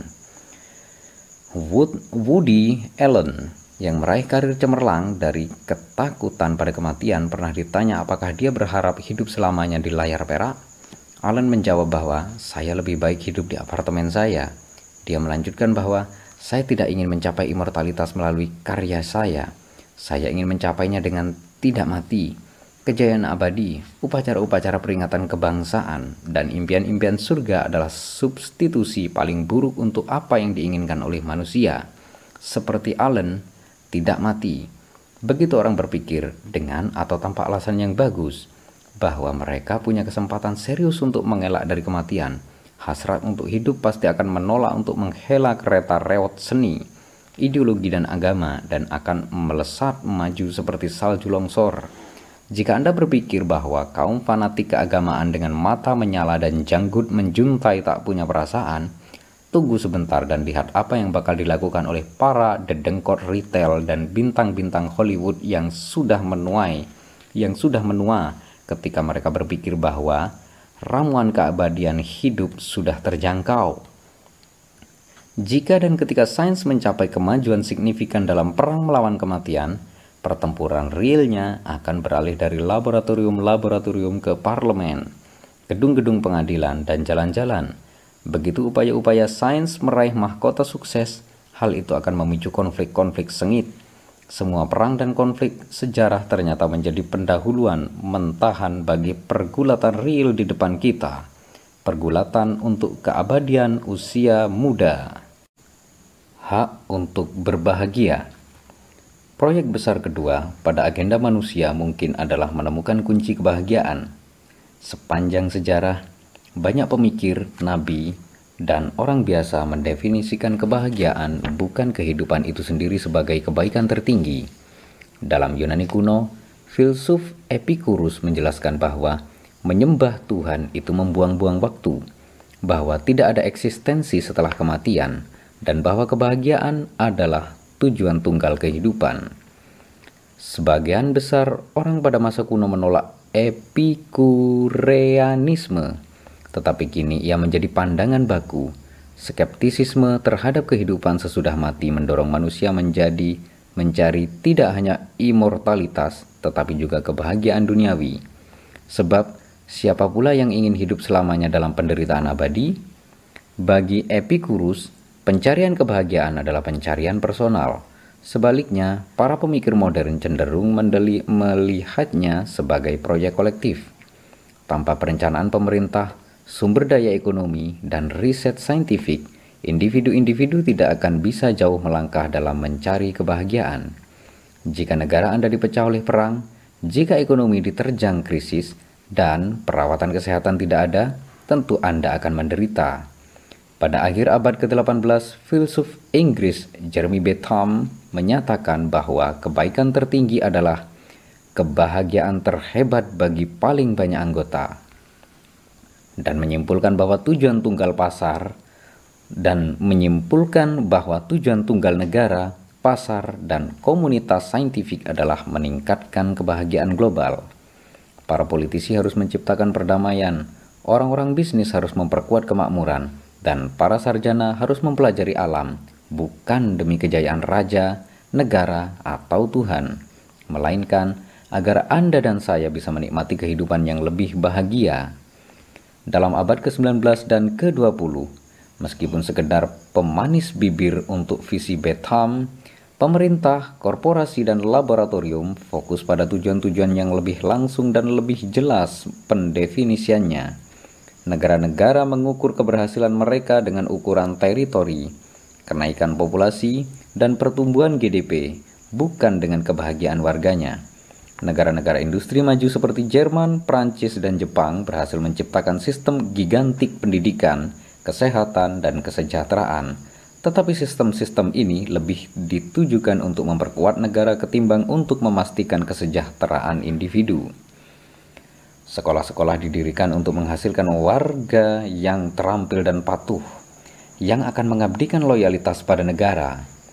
Pada usia 18 tahun, para pemuda tidak hanya harus patrior, patriotis, tetapi juga melek huruf, agar mereka bisa membaca perintah komandan juga dan bisa membuat rencana perang esoknya. Mereka harus tahu matematika agar bisa menghitung kemiringan tembakan atau memecahkan sandi rahasia musuh. Mereka membutuhkan komando elektrik, mekanik, dan obat-obatan dalam rangka mengoperasikan perangkat nirkabel, menyetir tank, dan merawat rekannya yang terluka. Ketika meninggalkan militer, mereka diharapkan mengabdi kepada negara sebagai pegawai, guru, dan insinyur, membangun ekonomi modern dan membayar banyak pajak. Hal yang sama berlaku pada sistem kesehatan. Pada akhir abad ke-19, negara-negara seperti Prancis, Jerman, dan Jepang mulai menyediakan perawatan kesehatan gratis bagi masyarakat. Mereka mendanai vaksinasi untuk bayi, asupan makanan seimbang bagi anak-anak, dan pendidikan fisik bagi remaja. Mereka mengeringkan rawa-rawa yang becek, membasmi nyamuk, dan membangun sistem pembuangan kotoran yang tersentralisasi. Tujuannya bukan untuk membahagiakan masyarakat, melainkan untuk menjadikan negara lebih kuat. Negara membutuhkan tentara-tentara dan pekerja yang tangguh, perempuan sehat yang melahirkan banyak tentara dan pekerja, serta birokrat yang datang ke kantor tepat waktu pukul 8 pagi, bukan terbaring sakit di rumah. Bahkan sistem kesejahteraan itu awalnya direncanakan demi kepentingan negara, bukan individu-individu yang membutuhkan. Ketika Otto von Bismarck memprakarsai dana pensiun negara dan sistem pengaman sosial di Jerman akhir abad ke-19, tujuan utamanya adalah memastikan loyalitas warga alih-alih meningkatkan kesejahteraan mereka. Anda berjuang untuk negara saat Anda berusia 18 tahun, lalu membayar pajak saat berusia 40 tahun, karena Anda mengandalkan negara untuk merawat Anda saat Anda berusia 70 tahun. Pada 1776, para bapak pendiri Amerika Serikat menegaskan hak untuk mencari kebahagiaan sebagai salah satu dari tiga hak asasi manusia yang tak bisa diingkari. Selain hak untuk hidup dan hak untuk kebebasan, namun penting untuk dicatat bahwa Deklarasi Kemerdekaan Amerika Serikat menjamin hak untuk mencari kebahagiaan dan bukan hak kebahagiaan itu sendiri. Secara krusial, Thomas Jefferson tidak menjadikan negara bertanggung jawab atas kebahagiaan warganya, namun dia hanya berusaha membatasi kekuasaan negara. Hal itu dapat melindungi ruang pilihan privat individu-individu yang bebas dari pengawasan negara. Jika saya pikir saya akan lebih bahagia kalau menikahi John ketimbang Mary tinggal di San Francisco ketimbang Salt Lake City dan bekerja sebagai bartender ketimbang peternak sapi perah, maka hak saya untuk menempuh jalan mencari kebahagiaan dan negara tidak boleh turut campur sekalipun saya mengambil pilihan yang keliru. Tetapi dalam beberapa dekade terakhir keadaan telah berubah dan visi Betham diperhatikan lebih serius. Orang semakin percaya bahwa sistem-sistem sangat besar yang dibuat lebih dari seabad lalu untuk memperkuat negara itu sesungguhnya harus ditujukan untuk kebahagiaan dan kesejahteraan para warga sebagai individu. Kita di sini bukan untuk melayani negara, melainkan negaralah yang harus melayani kita. Hak untuk mencari kebahagiaan yang pada mulanya diangankan untuk mengekang kekuatan negara tanpa terasa telah berubah menjadi hak untuk kebahagiaan Seakan-akan manusia membawa hak alamiah untuk bahagia, dan segala hal yang membuat kita kecewa adalah pelanggaran hak-hak dasar kita sebagai manusia sehingga negara harus berbuat sesuatu. Pada abad ke-20, GDP per kapita mungkin menjadi tolok ukur tertinggi untuk mengevaluasi keberhasilan bangsa. Dari perspektif ini, Singapura yang setiap warganya menghasilkan rata-rata barang dan jasa bernilai 56 ribu dolar dalam setahun adalah negara yang lebih berhasil dari Costa Rica yang warganya hanya memproduksi 14.000 dolar setahun. Namun kini, para pemikir, politisi, dan bahkan ekonom menyerukan penambahan atau bahkan mengganti GDP dengan GDH, Gross Domestic Happiness, atau kebahagiaan domestik kasar. Jadi apa sesungguhnya yang diinginkan orang? Mereka tidak ingin memproduksi, mereka ingin bahagia, Produksi penting karena memberi basis material bagi kebahagiaan, namun itu hanya sarana, bukan tujuan. Hasil survei terhadap masing-masing negara menunjukkan masyarakat Costa Rica memiliki tingkat kepuasan hidup lebih tinggi dibandingkan orang Singapura. Apakah Anda akan memilih menjadi orang Singapura yang sangat produktif tetapi tidak puas, atau orang Costa Rica yang kurang produktif tetapi puas? Jenis logika inilah yang mungkin mendorong manusia menjadikan kebahagiaan sebagai tujuan utama kedua pada abad ke-21. Sekilas, ini tampak sebagai proyek yang relatif mudah. Jika kelaparan, wabah, dan perang menghilang, jika manusia mengalami perdamaian dan kemakmuran yang belum pernah ada sebelumnya, dan jika harapan hidup meningkat secara dramatis, pasti semua itu akan membuat manusia bahagia, bukan? Bukan. Ketika Epikurus mendefinisikan kebahagiaan sebagai kebaikan tertinggi, dia memperingatkan para muridnya bahwa kerja keraslah yang bisa membawa kebahagiaan. Prestasi-prestasi material saja tidak akan memuaskan kita dalam waktu lama. Yang jelas, pencarian membabi buta terhadap uang, ketenaran, dan kesenangan hanya akan membuat kita menderita. Epikurus mengajarkan, misalnya untuk makan dan minum secukupnya, juga membendung hasrat seksual. Dalam jangka panjang, persahabatan yang mendalam bisa membuat kita lebih puas ketimbang pesta seks gila-gilaan. Epikurus menggariskan satu ajaran lengkap etika yang berisi perintah dan larangan untuk membimbing orang pada jalan terjal menuju kebahagiaan. Epikurus tampaknya menemukan sesuatu, menjadi bahagia tidaklah mudah. Terlepas dari prestasi-prestasi tanpa presiden yang kita capai dalam beberapa dekade terakhir ini, masih jauh dari jelas bahwa orang-orang bisa secara signifikan lebih puas ketimbang para leluhur mereka pada tahun-tahun lampau. Sungguh, ini pertanda buruk bahwa terlepas dari tingginya kemakmuran, kenyamanan, dan keamanan, angka bunuh diri di negara maju juga jauh lebih tinggi ketimbang dalam masyarakat-masyarakat tradisional. Di Peru, Haiti, Filipina, dan Ghana, negara berkembang yang menderita akibat kemiskinan dan instabilitas politik, tak sampai 100 ribu orang yang melakukan bunuh diri setiap tahun. Di negara-negara kaya dan damai seperti Swiss, Prancis, Jepang dan Selandia Baru, lebih dari 10 per 100 ribu orang mengakhiri hidup mereka sendiri setiap tahun. Pada tahun 1985, Korea Selatan adalah sebuah negara yang relatif miskin, diikat oleh tradisi ketat dan diperintah oleh rezim otoriter. Kini Korea Selatan adalah sebuah kekuatan ekonomi yang terkemuka, warganya termasuk yang paling terdidik di dunia, dan menikmati rezim demokrasi yang stabil dan relatif liberal. Namun kalau pada tahun 1985, sekitar 9 dari 100 ribu orang Korea Selatan bunuh diri, kini angka tahunan bunuh diri adalah 16 per 100 ribu. Tentu saja ada tren sebaliknya dan jauh lebih menggembirakan. Jadi, Penurunan drastis angka kematian anak benar-benar membawa peningkatan kebahagiaan manusia dan mengompensasi sebagian dari stres kehidupan modern. Tetap saja, sekalipun kita sedikit lebih bahagia dari para leluhur kita, peningkatan kesejahteraan kita itu jauh lebih kecil dari yang mungkin kita harapkan. Pada zaman batu, rata-rata setiap manusia bisa mendapatkan sekitar 4000 kalori energi per hari ini tidak hanya mencakup makanan, tetapi juga energi yang diinvestasikan dalam mempersiapkan alat-alat pakaian, seni, dan api unggun. Hari ini, orang Amerika menggunakan rata-rata 228.000 kalori energi per orang per hari untuk menyuapi tidak hanya perut mereka, tetapi juga mobil, komputer, kulkas, dan televisi. Karena itu, orang Amerika menggunakan 60 kali lebih besar energi ketimbang rata-rata para pemburu pengumpul zaman batu. Apakah rata-rata orang Amerika 60 kali lebih bahagia? Kita mungkin skeptis terhadap pandangan optimistis semacam itu.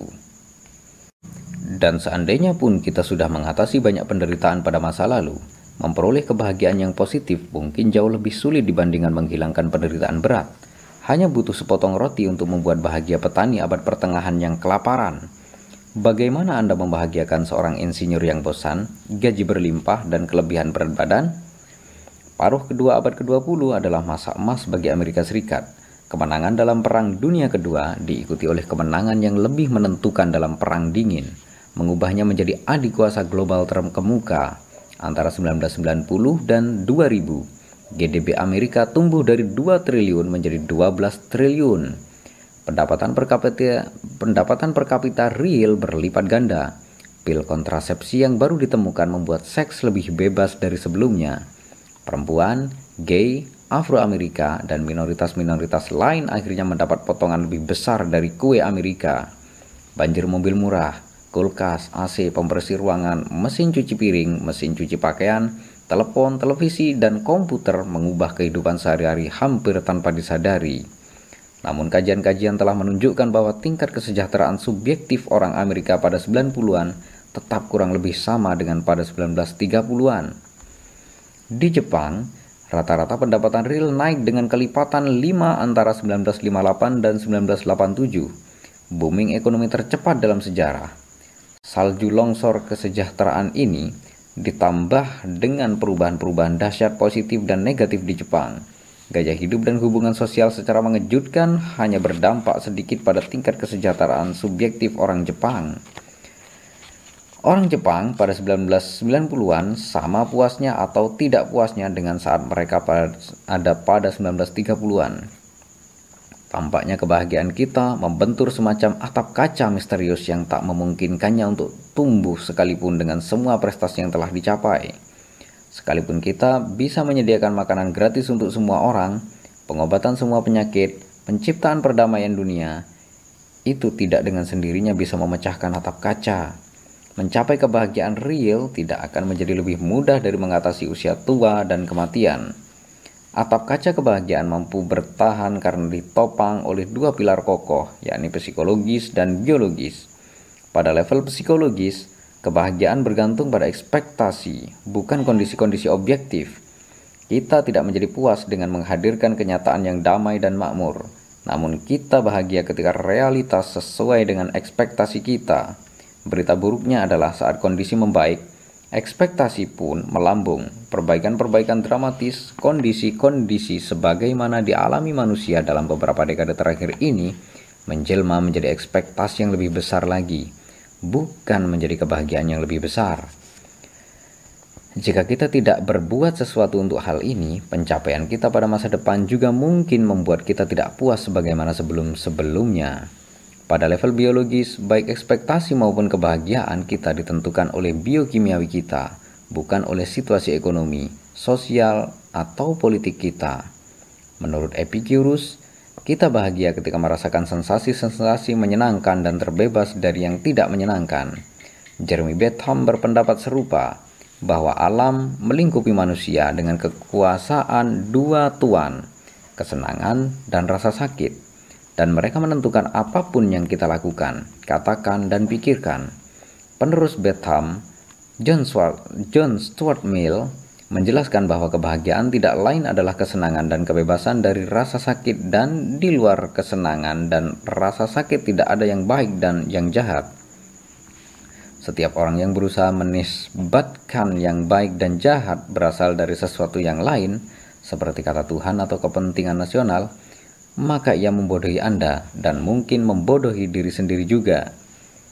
Pada masa Epicurus, perkataan semacam itu adalah hujatan. Pada era Betham dan Mill, itu adalah subversi radikal.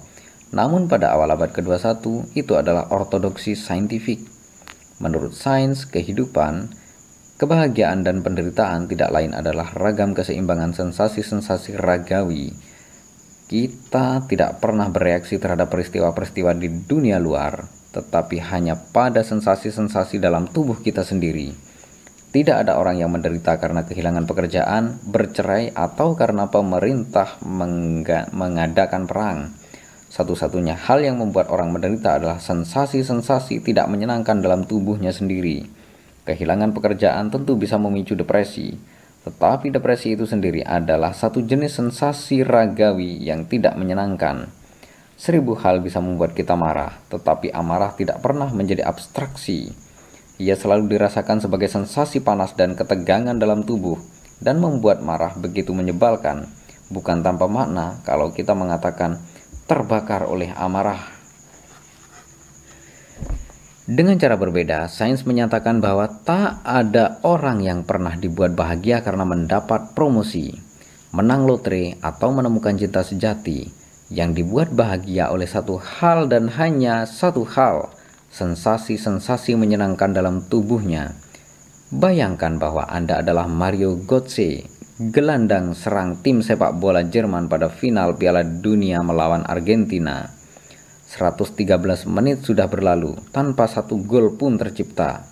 Hanya 7 menit yang tersisa sebelum adu penalti yang mendebarkan. Sekitar 75.000 penggemar mengisi stadion Maracana di Rio.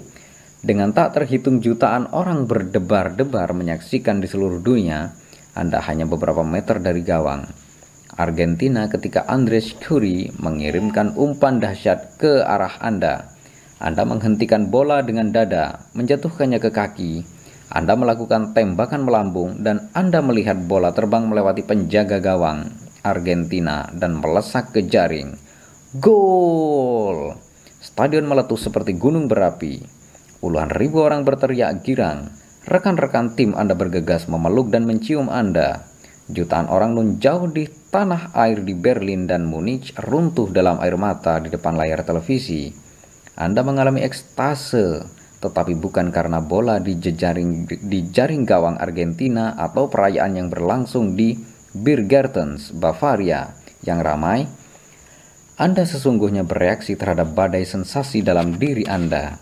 Rasa ingin merambat naik dan turun di tulang belakang, gelombang listrik menjalari seluruh tubuh Anda, dan terasa seakan-akan Anda larut dalam jutaan bola energi yang meledak. Anda tidak harus menciptakan gol penentu kemenangan pada final Piala Dunia untuk merasakan sensasi-sensasi seperti itu. Jika Anda menerima sebuah promosi di tempat kerja, lalu mulai melonjak kegirangan, Anda sedang bereaksi terhadap sensasi yang sama.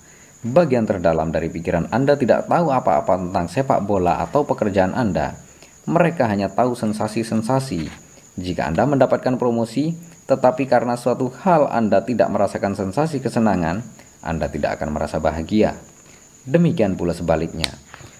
Jika Anda baru saja dipecat atau kehilangan kesempatan bermain di pertandingan sepak bola yang menentukan, tetapi Anda merasakan sensasi yang sangat menyenangkan, mungkin karena Anda menenggak pil, Anda tetap masih bisa merasakan berada di puncak dunia. Berita buruknya adalah bahwa sensasi-sensasi menyenangkan akan cepat reda dan lambat laun akan berubah menjadi sensasi yang tidak menyenangkan. Bahkan, mencetak gol penentu kemenangan pada final Piala Dunia tidak menjamin kebahagiaan sepanjang hidup. Faktanya, sensasi-sensasi itu bisa langsung turun. Serupa dengan itu, jika tahun lalu saya menerima promosi kerja tak terduga dan saya mungkin masih menduduki jabatan baru itu, tetapi sensasi-sensasi menyenangkan yang saya alami bisa hilang hanya dalam hitungan jam sejak menerima kabar tersebut. Jika saya ingin merasakan sensasi-sensasi luar biasa itu lagi, saya harus mendapatkan promosi lain dan yang lain lagi. Dan jika saya tidak mendapatkan promosi, ujung-ujungnya ujung-ujungnya saya bisa lebih sakit dan marah ketimbang jika saya tetap biasa-biasa saja. Ini semua karena evolusi. Selama generasi demi generasi yang tak terhitung jumlahnya, Sistem biokimia kita beradaptasi untuk menaikkan peluang survival dan reproduksi, bukan kebahagiaan. Sistem biokimiawi kita menghadiahi aksi-aksi yang kondusif bagi survival dan reproduksi dengan sensasi-sensasi menyenangkan. Namun ini semua hanyalah semacam pemikat jualan sesaat saja. Kita berjuang untuk mendapatkan makanan dan pasangan dalam rangka menghindari sensasi-sensasi tidak menyenangkan lapar, dan menikmati rasa menyenangkan serta orgasme yang menggembirakan. Namun rasa enak dan orgasme yang menggembirakan tidak berlangsung sangat lama. Dan jika ingin merasakannya lagi, kita harus makan dan bercinta lagi dengan pasangan. Apa yang akan terjadi seandainya muta mutasi langka menciptakan seekor tupai yang setelah makan sebutir kacang akan menikmati sensasi kebahagiaan abadi? Secara teknis, ini sesungguhnya bisa dilakukan dengan menyambungkan ulang sel otak tupai. Siapa tahu, mungkin itu benar-benar terjadi pada si tupai beruntung jutaan lalu. Namun, jika demikian, tupai itu menikmati kehidupan yang luar biasa bahagia dan luar biasa singkat. Dan itulah akhir dari mutasi langka. Karena tupai bahagia itu tidak akan peduli untuk mencari kacang lagi, apalagi pasangan Tupai-tupai lawannya yang merasa lapar lagi setelah 5 menit makan sebutir kacang punya kesempatan yang lebih baik untuk bertahan hidup dan mewariskan gen-gen mereka kepada generasi berikutnya. Dengan alasan yang persis sama, kacang yang kita kumpulkan sebagai manusia, pekerjaan yang menguntungkan, rumah-rumah besar, pasangan yang elok jarang memuaskan kita dalam waktu lama. Sebagian orang mungkin berkata itu tidak terlalu buruk karena bukan tujuan yang membuat kita bahagia melainkan perjalanannya memanjat puncak Everest lebih memuaskan daripada saat berdiri di puncaknya. Bercumbu dan pemanasan lebih menyenangkan ketimbang saat mencapai orgasme, dan mengerjakan permulaan eksperimen lab lebih menarik ketimbang menerima pujian dan hadiah. Namun ini tidak mengubah gambarannya. Itu hanya mengindikasikan bahwa evolusi mengendalikan kita dengan rentang luas kesenangan-kesenangan. Terkadang ia menggoda kita dengan sensasi-sensasi kebahagiaan dan ketenangan sementara pada kesempatan lain menghalau kita dengan sensasi-sensasi kegembiraan dan kesenangan yang mendebarkan. Ketika seekor binatang mencari sesuatu yang dapat meningkatkan peluang untuk bertahan hidup dan reproduksi, misalnya makanan, pasangan, atau status sosial, otak memproduksi sensasi-sensasi kesiagaan dan kegembiraan yang mendorong binatang itu untuk melakukan upaya lebih besar lagi karena mereka sangat cocok. Dalam satu eksperimen terkenal, para ilmuwan menghubungkan elektroda dengan otak beberapa tikus. Memungkinkan binatang itu menciptakan sensasi-sensasi kegembiraan hanya dengan menekan pedal. Ketika tikus-tikus itu diberi pilihan antara makanan yang lezat dan pedal, mereka memilih pedal. Sangat mirip dengan anak-anak yang memilih bermain video game ketimbang datang untuk makan malam.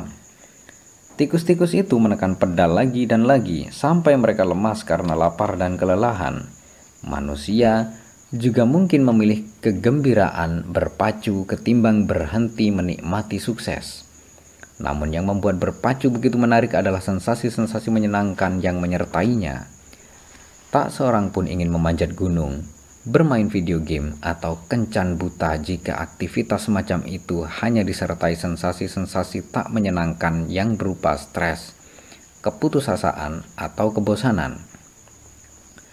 Sayangnya sensasi-sensasi menyenangkan dari berpacu adalah sementara sebagaimana sensasi kebahagiaan dari kemenangan. Don Juan yang menikmati sensasi menyenangkan hubungan sesaat, pebisnis yang menikmati menggigit kuku jari tangan sambil mengikuti naik turunnya Dow Jones, dan penggemar game yang menikmati membunuh monster di layar komputer tidak akan menemukan kepuasan dari mengingat petualangan kemarin. Seperti tikus yang menekan pedal lagi dan lagi, Don Juan, taipan bisnis dan penggemar game memerlukan tantangan baru setiap hari. Yang lebih parah, di sini pula ekspektasi menyesuaikan dengan kondisi-kondisi dan tantangan kemarin. Semuanya terlalu cepat untuk menjadi kebosanan hari ini.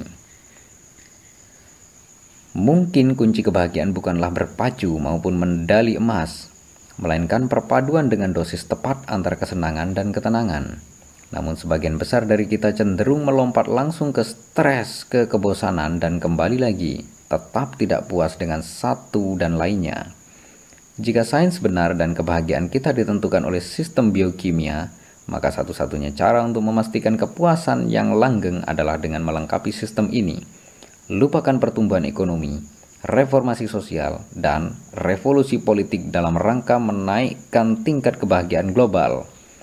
Yang kita perlukan ialah memanipulasi biokimia manusia dan ini nyata-nyata apa yang sudah kita mulai lakukan dalam beberapa dekade terakhir.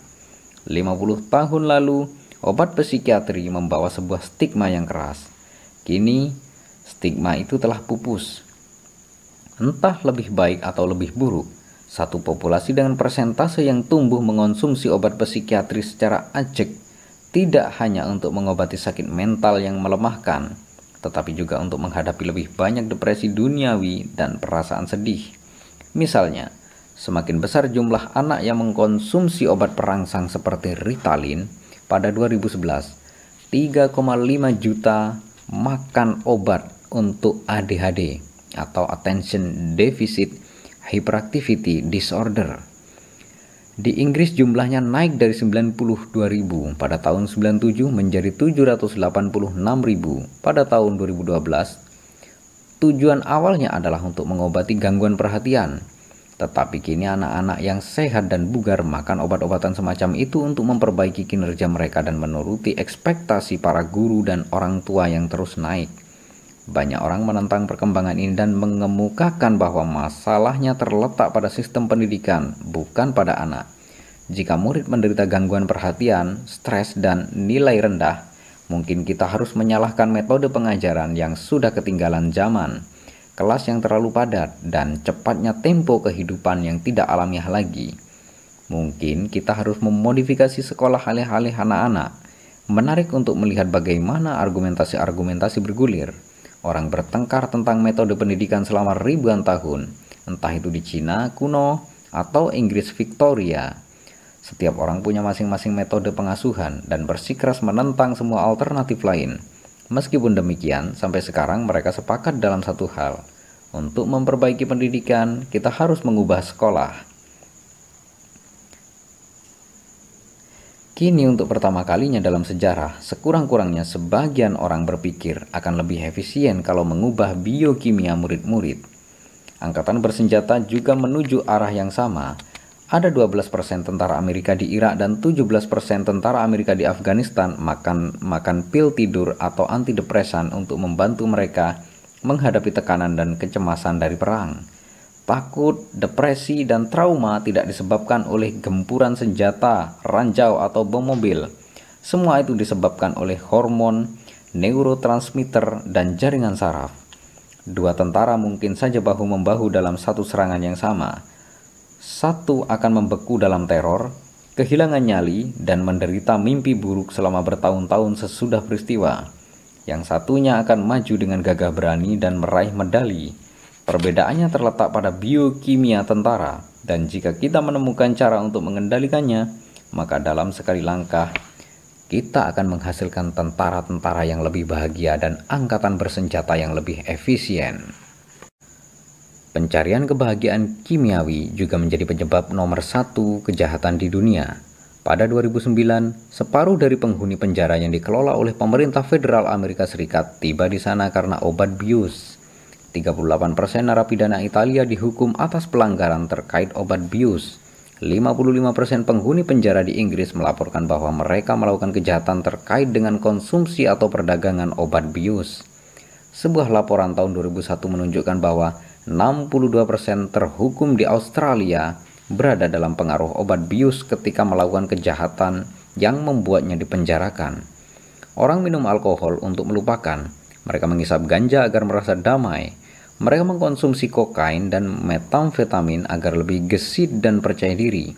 Sementara ekstasi memberi sensasi-sensasi ekstasik dan LSD mengirim Anda untuk bertemu Lucy in the Sky with Diamond.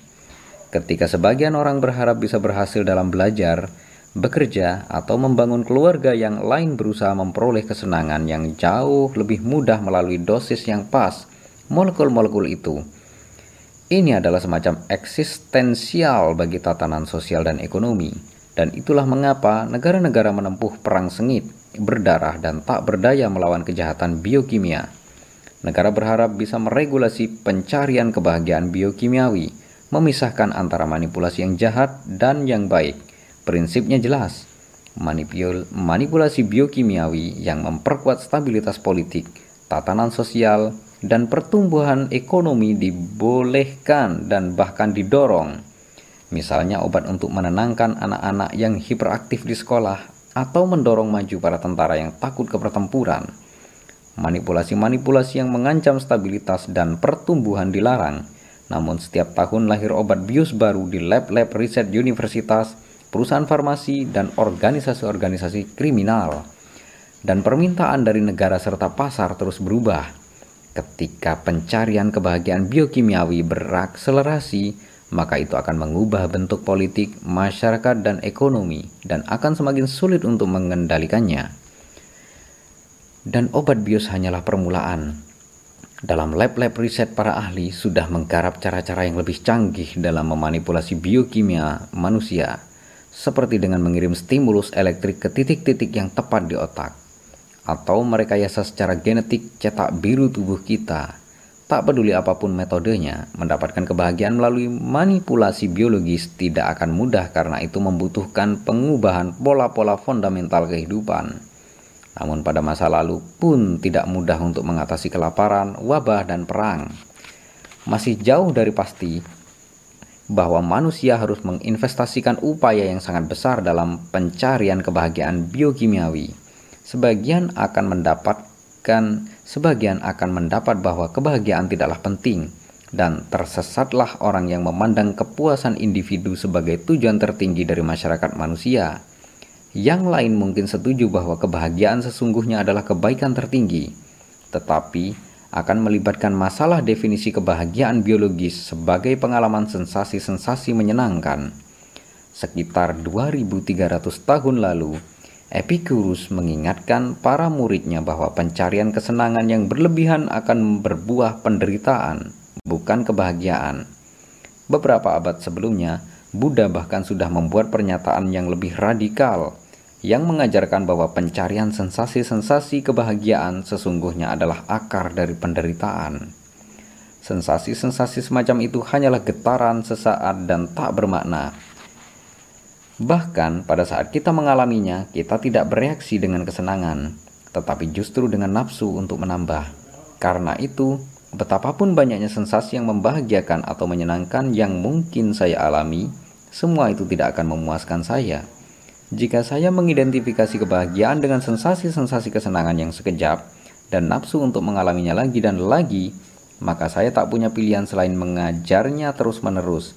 Ketika saya akhirnya mendapatkannya, Sensasi-sensasi itu dengan cepat menghilang dan karena kenangan-kenangan yang sudah berlalu tidak akan memuaskan saya, saya harus mulai lagi dan lagi. Sekalipun jika saya harus mengejarnya selama puluhan tahun, itu tidak akan pernah menghadirkan pencapaian abadi. Sebaliknya, semakin besar saya berhasrat untuk mendapatkan sensasi-sensasi kesenangan itu, semakin besar stres dan ketidakpuasan saya. Untuk mendapatkan kebahagiaan yang sejati, manusia perlu melambatkan perburuan sensasi-sensasi kesenangan, bukan mempercepat bukan mempercepatnya. Pandangan Buddha tentang kebahagiaan ini memiliki banyak kesesuaian dengan pandangan biokimiawi. Keduanya setuju bahwa sensasi-sensasi menyenangkan menghilang secepat kemunculannya, dan bahwa sepanjang manusia bernafsu mencari sensasi-sensasi kesenangan tanpa benar-benar mengalaminya, mereka tetap tidak puas. Meskipun demikian, masalah ini memiliki dua solusi yang sangat berbeda. Solusi biokimiawi ditujukan untuk mengembangkan produk-produk dan perawatan yang akan memberi manusia aliran sensasi kesenangan tanpa ujung sehingga kita tidak akan pernah tidak bersamanya. Nasihat Buddha adalah untuk mereduksi nafsu kita pada sensasi-sensasi kesenangan dan mencegah sensasi-sensasi itu mengendalikan hidup kita. Menurut Buddha, kita bisa melatih pikiran untuk melihat dengan hati-hati bagaimana semua sensasi itu muncul dan berlalu. Ketika pikiran belajar melihat untuk apa sensasi-sensasi kita, getaran-getaran sekejap dan tak bermakna kita kehilangan minat untuk mengejarnya. Ad, apa pula gunanya mengejar sesuatu yang akan menghilang secepat kemunculannya?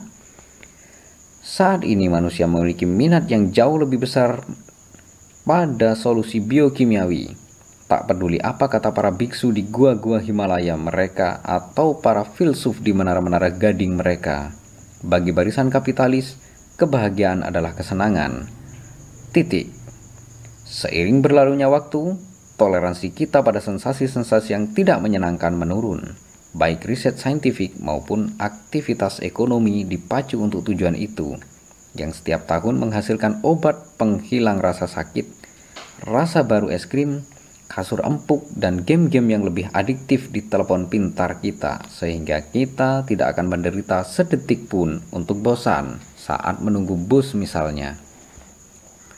Semua ini tentu saja tidak cukup, karena Homo sapiens tidak diadaptasi oleh evolusi untuk mengalami kesenangan terus-menerus. Jika itu memang yang diinginkan oleh manusia, es krim dan game telepon pintar tidak akan bisa diperlukan untuk mengubah biokimia kita dan merekayasa ulang tubuh dan pikiran kita sehingga kita akan bekerja untuk itu.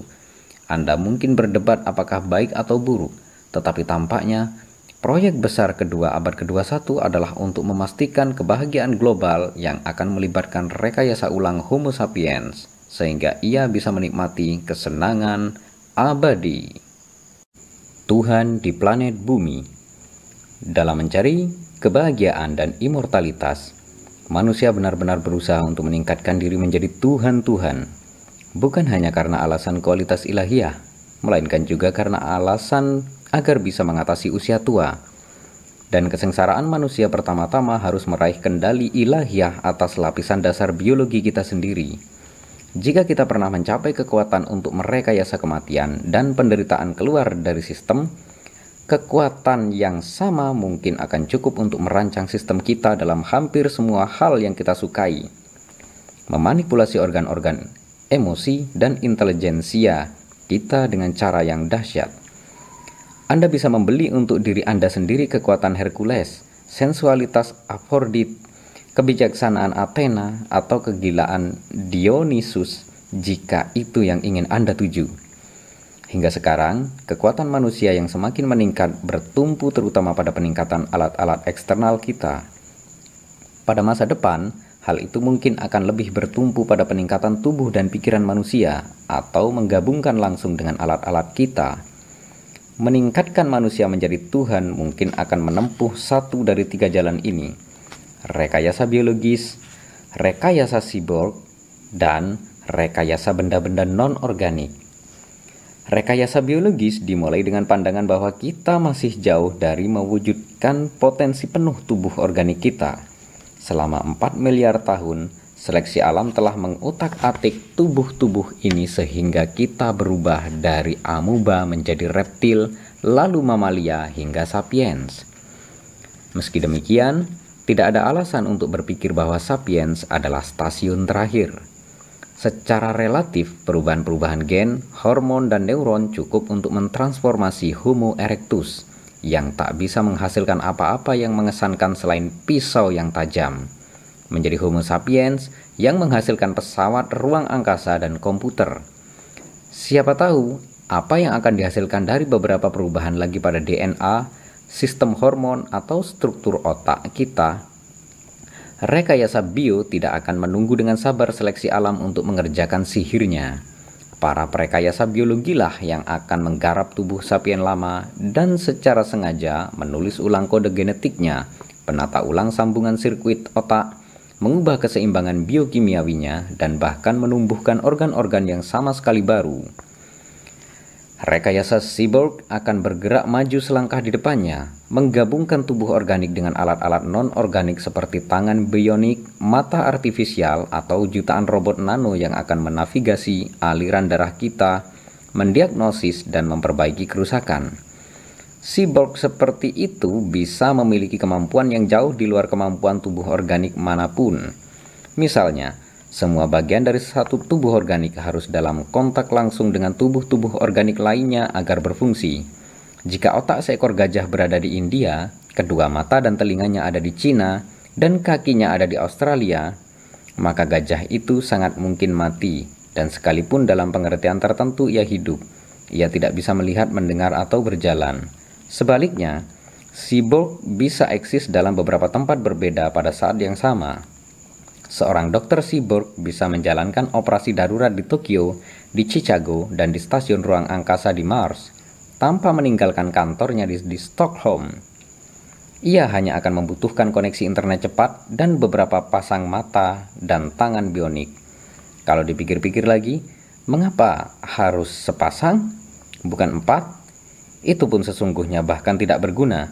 Mengapa Seabrook harus memegang pisau bedah dengan tangannya sendiri kalau bisa menghubungkan pikirannya langsung dengan alat-alat? Ini mungkin terdengar seperti fiksi sains, tetapi itu sudah menjadi realitas.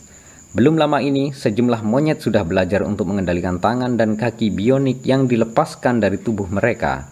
Melalui elektroda yang ditanam di otak, Para pasien lumpuh mampu menggerakkan organ-organ bionik atau mengoperasikan komputer dengan kekuatan pikiran saja.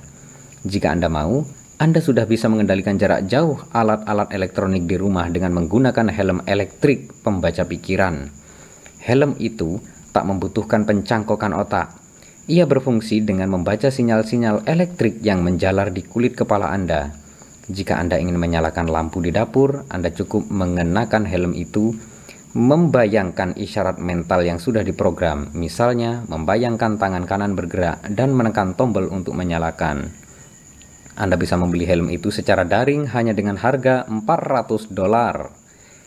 Meskipun demikian, rekayasa sibuk pun relatif konservatif mengingat asumsinya bahwa otak organik akan tetap menjadi pusat pengendali kehidupan. Pendekatan yang lebih berani membebas tugaskan bagian-bagian organik sekaligus dan berharap merekayasa benda-benda non-organik sepenuhnya. Jaringan saraf akan digantikan oleh perangkat lunak pintar yang bisa menyusuri dunia virtual dan non-virtual yang bebas hambatan-hambatan kimiawi organik. Setelah 4 miliar tahun berkelana di dalam lingkup organik, kehidupan akan menyeruak pada keluasan alam inorganik dan akan mengambil bentuk-bentuk yang tidak bisa kita bayangkan, bahkan dengan impian kita yang paling liar sekalipun. Lagi pula, impian-impian kita yang paling liar masih produk dari kimia organik. Menyeruak keluar dari alam organik bisa juga memungkinkan kehidupan akhirnya menyeruak keluar dari planet bumi Selama 4 miliar tahun, kehidupan tetap terkurung dalam satu bintik mungil planet ini karena seleksi alam membuat semua organisme akhirnya tunduk pada kondisi-kondisi unik batu melayang ini. Bakteri yang paling tangguh pun tidak akan bertahan hidup di Mars. Sebaliknya, suatu kecerdasan artifisial non-organik akan sangat mudah mengolonisasi planet-planet alien. Karena karena itu, Penggantian kehidupan organik dengan makhluk-makhluk inorganik bisa menabur bibit imperium galaktika masa depan yang dikuasai oleh sejenis Tuan Data, bukan Kapten Kirk. Kita tidak tahu ke mana jalan ini akan membawa kita, atau akan seperti apa keturunan ilahiyah kita. Meramalkan masa depan tidak pernah mudah, dan bioteknologi revolusioner menjadikannya semakin sulit lagi karena sama sulitnya memprediksi dampak teknologi-teknologi itu pada bidang-bidang seperti transportasi, komunikasi, dan energi, teknologi-teknologi untuk memperbarui manusia juga mendatangkan jenis tantangan yang sama sekali berbeda. Karena teknologi-teknologi itu bisa digunakan untuk mentransformasi pikiran dan hasrat manusia, maka orang yang memiliki pikiran serta hasrat masa kini secara definisi tidak bisa memahami implikasi-implikasinya. Selama ribuan tahun, Sejarah penuh dengan lonjakan-lonjakan teknologi, ekonomi, sosial, dan politik. Namun satu hal yang tetap, kemanusiaan itu sendiri. Alat-alat dan institusi-institusi kita sangat berbeda dari yang ada pada masa biblikal, tetapi struktur terdalam pikiran manusia tetap sama. Itulah sebabnya kita masih bisa menemukan diri kita sendiri di antara halaman-halaman Injil, dalam tulisan-tulisan Konfusius, atau dalam tragedi-tragedi Sophocles, dan Euripides.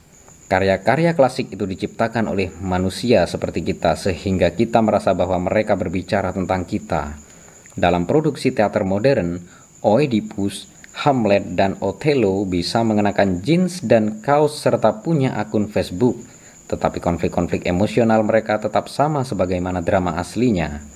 Meskipun demikian, Ketika teknologi memungkinkan kita untuk merekayasa ulang pikiran manusia, Homo sapiens akan hilang. Sejarah manusia akan sampai titik akhir, dan sebuah jenis proses yang sama sekali baru akan bermula, di mana orang-orang seperti Anda dan saya tidak bisa memahaminya. Banyak ahli berusaha memprediksi seperti apa dunia pada 2100 atau 2200. Ini membuang-buang waktu setiap prediksi yang berguna harus memperhitungkan kemampuan merekayasa ulang pikiran manusia, dan ini tidak mungkin. Ada banyak jawaban bijak pada pertanyaan, apa yang akan dilakukan orang dengan pikiran seperti kita pada bioteknologi? Namun tidak ada jawaban bagus untuk pertanyaan, apa yang akan dilakukan oleh makhluk-makhluk dengan jenis pikiran yang berbeda pada bioteknologi? Yang bisa kita katakan hanyalah bahwa orang yang serupa dengan kita mungkin menggunakan bioteknologi untuk merekayasa ulang pikiran mereka sendiri. Dan pikiran-pikiran masa kita sekarang tidak bisa menjangkau apa yang mungkin terjadi berikutnya. Meskipun detailnya kabur, kita tetap bisa yakin tentang arah umum sejarah. Pada abad ke-21, proyek besar ketiga manusia adalah mendapatkan kekuatan ilahiyah penciptaan dan destruksi untuk kita. Kemudian meningkatkan Homo sapien menjadi Homo Deus, Proyek ketiga ini jelas memasukkan dua proyek pertama dan digerakkan oleh keduanya. Kita menginginkan kemampuan untuk merekayasa ulang tubuh dan pikiran kita secara berurutan di atas itu semua untuk meloloskan diri dari usia tua, kematian, dan penderitaan. Tetapi begitu kita mendapatkannya, siapa pula yang tahu apa yang akan kita lakukan dengan kemampuan seperti itu? Jadi, mungkin kita bisa berpikir agenda baru manusia sesungguhnya hanya berisi satu proyek dengan banyak cabang. mencapai keilahian.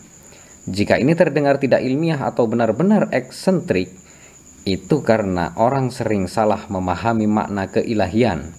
Keilahian bukanlah kualitas metafisik yang samar, dan ia tidak sama dengan kemahakuasaan. Ketika berbicara tentang memperbarui manusia menjadi Tuhan, cobalah pikirkan dengan pemahaman tentang dewa-dewa Yunani atau Hindu, bukan Bapa di surga yang maha kuasa ala Injil keturunan-keturunan kita masih akan memiliki kelemahan-kelemahan dan kekuatan-kekuatan dan kekakuan-kekakuan dan keterbatasan-keterbatasan sebagaimana dimiliki Zeus dan Indra. Namun mereka bisa mencintai, membenci, menciptakan, dan menghancurkan dengan kekuatan yang jauh digdaya ketimbang kita. Sepanjang sejarah, kebanyakan dewa diyakini tidak memiliki kemahakuasaan, tetapi kemampuan super spesifik seperti kemampuan merancang, dan menciptakan makhluk hidup, mentransformasi tubuh mereka sendiri, mengendalikan lingkungan dan cuaca, membaca pikiran dan berkomunikasi dari jarak jauh, bepergian dengan kecepatan sangat tinggi, dan tentu saja bebas dari kematian serta hidup selamanya. Manusia sedang punya urusan untuk memperoleh semua kemampuan itu, dan lebih banyak lagi. Kemampuan-kemampuan tradisional tertentu yang dulu dianggap ilahiyah selama beberapa milenia Hari ini sudah menjadi sangat umum sehingga kita nyaris tak pernah memikirkannya. Rata-rata orang sekarang bergerak dan berkomunikasi dalam jarak jauh dengan cara yang jauh lebih mudah ketimbang dewa-dewa lama Yunani, Hindu, atau Afrika. Misalnya, masyarakat Igbo di Nigeria percaya bahwa dewa pencipta Chukwu mula-mula ingin membuat orang immortal.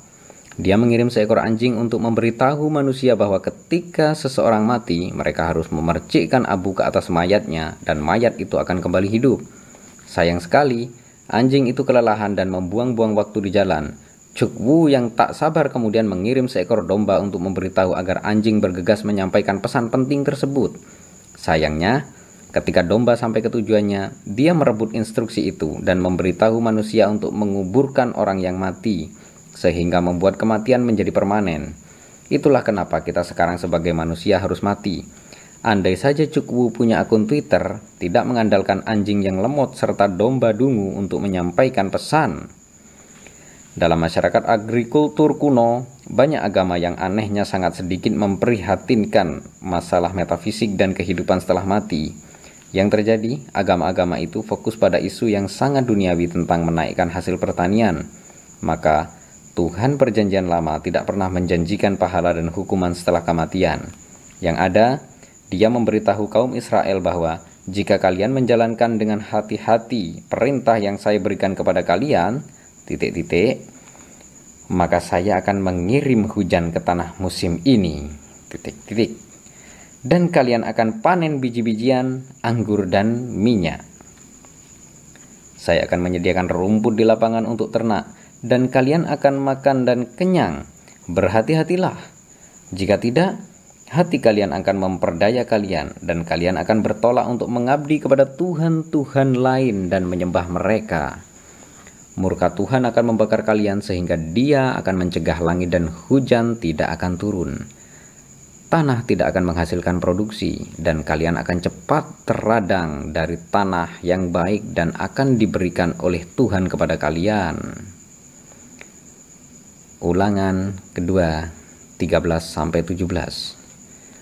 Para ilmuwan kini bisa melakukan hal yang jauh lebih baik ketimbang Tuhan Perjanjian Lama. Berkat penyubur buatan, insektisida industrial, dan tanaman modifikasi genetik, produksi pertanian kini bisa melampaui ekspektasi paling tinggi para petani kuno yang mereka sandarkan pada Tuhan-Tuhan mereka. Dan Negara Israel yang kering tidak lagi takut Tuhan yang marah akan mencegah langit dan menghentikan hujan. Arena orang Israel belum lama ini sudah membangun pabrik penyulingan besar di pantai Mediterania sehingga kini mereka bisa mendapatkan semua air minum dari laut. Sejauh ini, kita sudah berkompetisi dengan Tuhan-Tuhan lama dengan menciptakan alat-alat yang lebih bagus pada masa depan yang tidak terlalu jauh, kita mungkin menciptakan manusia super yang akan melampaui Tuhan-Tuhan kuno bukan dalam hal alat-alat mereka, melainkan dalam hal kemampuan badaniah dan mental. Namun, jika dan ketika kita sampai di sana, keilahian akan menjadi duniawi sebagaimana dunia maya. keajaiban di antara keajaiban-keajaiban yang sudah kita anggap biasa saja. Kita bisa cukup yakin bahwa manusia akan melakukan upaya untuk memperoleh keilahian karena manusia punya banyak alasan untuk mendambakan peningkatan semacam itu dan banyak cara untuk mencapainya. Sekalipun jika salah satu jalan ternyata jalan buntu, rute-rute alternatif akan tetap terbuka. Misalnya kita mungkin menemukan bahwa gen manusia amat sangat terlalu rumit untuk memanipulasi serius. Tetapi ini tidak akan mencegah pengembangan antarmuka-antarmuka komputer otak, robot-robot nano, atau kecerdasan artifisial AI. Tetapi tak perlu panik, sekurang-kurangnya tidak dalam waktu dekat, memperbarui sapiens akan merupakan proses historis bertahap, bukan wahyu ala Hollywood. Homo sapien tidak akan dihabisi oleh pemberontakan robot, namun Homo sapien kemungkinan akan meningkatkan kapasitas dirinya selangkah demi selangkah menyatu dengan robot dan komputer dalam proses itu, sampai keturunan kita akan memandang ke belakang dan menyadari bahwa mereka tidak lagi jenis binatang yang menulis Injil, membangun tembok besar Cina, tertawa dengan keunikan Charlie Chaplin. Ini tidak akan terjadi dalam sehari atau setahun. Ini sudah terjadi saat ini, dalam perbuatan-perbuatan duniawi. Setiap hari, Jutaan orang memutuskan untuk menyerahkan kepada telepon pintar kendali atas kehidupan mereka atau mencoba obat antidepresan baru dan lebih efektif. Dalam memburu kesehatan, kebahagiaan, dan kekuasaan, manusia akan pelan-pelan mengubah pertama-tama salah satu fitur dan kemudian fitur yang lain, dan yang lain lagi, sampai mereka tidak lagi menjadi manusia. Tolong Adakah seseorang yang bisa menginjak rem? Dengan mengesampingkan penjelasan-penjelasan yang tenang, banyak orang panik ketika mendengar tentang kemungkinan itu. Mereka senang mengikuti nasihat dari telepon pintar mereka, atau dengan sukarela makan obat apa pun yang diresepkan dokter. Tetapi ketika mendengar tentang manusia super yang sudah diperbarui, mereka berkata, "Saya berharap akan mati sebelum itu terjadi." Seorang teman pernah berkata kepada saya bahwa apa yang dia dengar sebagian besar tentang tumbuh menua menjadi semakin tidak relevan. Berubah menjadi nostalgia wanita tua yang tidak bisa memahami dunia di sekitarnya atau berkontribusi banyak di dalamnya. Inilah yang secara kolektif sebagai spesies kita khawatirkan. Ketika impian-impian kita dan bahkan kekhawatiran-kekhawatiran kita menjadi tidak relevan dan kita menjadi tidak bisa berkontribusi apa-apa. Siapa pun Anda saat ini, entah seorang pemain kriket penganut Hindu taat atau wartawan yang ingin menjadi lesbian, dalam dunia yang sudah diperbarui, Anda akan merasa seperti Nendartal, pemburu di Wall Street. Anda bukan bagian dirinya. Manusia Nendartal tidak perlu cemas soal Nasdaq karena mereka terlindung darinya oleh puluhan ribu tahun. Namun pada masa kini, dunia makna kita mungkin runtuh dalam beberapa dekade mendatang. Anda tidak bisa mengandalkan kematian untuk menyelamatkan Anda dari menjadi tidak relevan sama sekali. Sekalipun bila Tuhan-Tuhan tidak berjalan di jalan-jalan kita pada tahun 2100, usaha untuk memperbaharui Homo sapiens kemungkinan tetap akan mengubah dunia di luar jangkauan pemahaman pada abad ini riset saintifik, perkembangan perkembangan teknologi sedang bergerak jauh lebih cepat dari yang bisa dibayangkan oleh sebagian besar kita. Jika Anda berbicara dengan para ahli, banyak dari mereka akan memberitahu Anda bahwa kita masih sangat jauh dari bayi-bayi hasil rekayasa genetika atau kecerdasan artifisial level manusia. Namun sebagian besar ahli berpikir dalam skala waktu hibah, akademis, dan pekerjaan perguruan tinggi. Karena itu, Sangat jauh berarti 20 tahun dan tidak akan pernah bisa berarti tidak lebih dari 50 tahun. Saya masih ingat hari pertama menggunakan internet. Saat itu tahun 93. Ketika saya masih murid sekolah menengah, saya pergi dengan beberapa rekan mengunjungi teman kami, Ido, yang kini seorang ilmuwan komputer. Kami ingin bermain tenis meja, Ido sudah menjadi penggemar komputer besar dan sebelum membuka meja pingpong, dia bersikeras menunjukkan kepada kami keajaiban terbaru. Dia menghubungkan telepon kabel ke komputer dan menekan beberapa tombol. Selama semenit, yang bisa kami dengarkan hanya bunyi derit, kresek, dan decit lalu diam. Tidak berhasil. Kami menggerutu dan mengomel. Tetapi Ido mencoba lagi, lagi dan lagi. Akhirnya dia berteriak mengumumkan bahwa dia berhasil menghubungkan komputernya dengan komputer pusat di universitas terdekat. Dan apa yang ada di komputer pusat? Kami bertanya. Ya, memang belum ada apa-apa, katanya mengakui. Tapi kalian bisa menaruh semua hal di sana. Seperti apa? Kami bertanya. Aku tidak tahu, ujarnya lagi. Semua jenis hal tidak terdengar begitu menjanjikan. Kami lalu bermain pingpong dan pada pekan-pekan berikutnya menikmati hiburan baru, bersenang-senang dengan ide konyol Ido. Itu kurang dari 25 tahun lalu. Dari saat menulis buku ini, siapa yang tahu apa yang akan datang 25 tahun dari sekarang? Itulah sebabnya semakin banyak individu, organisasi, korporasi, dan pemerintahan memperlakukan dengan sangat serius perburuan meraih immortalitas, kebahagiaan, dan kekuasaan seperti Tuhan. Perusahaan-perusahaan asuransi, dana pensiun, Kementerian Sistem Kesehatan dan Keuangan sudah tercengang dengan lompatan angka harapan hidup.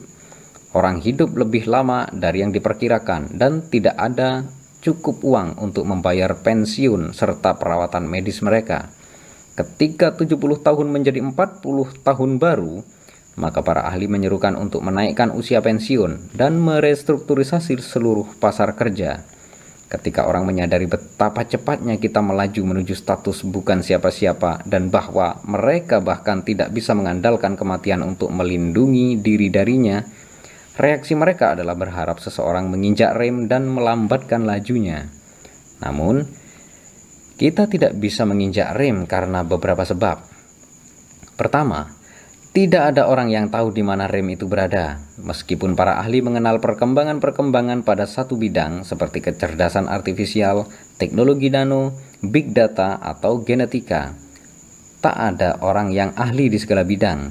Karena itu, tidak ada yang mampu menghubungkan semua titik dan melihat gambaran penuh.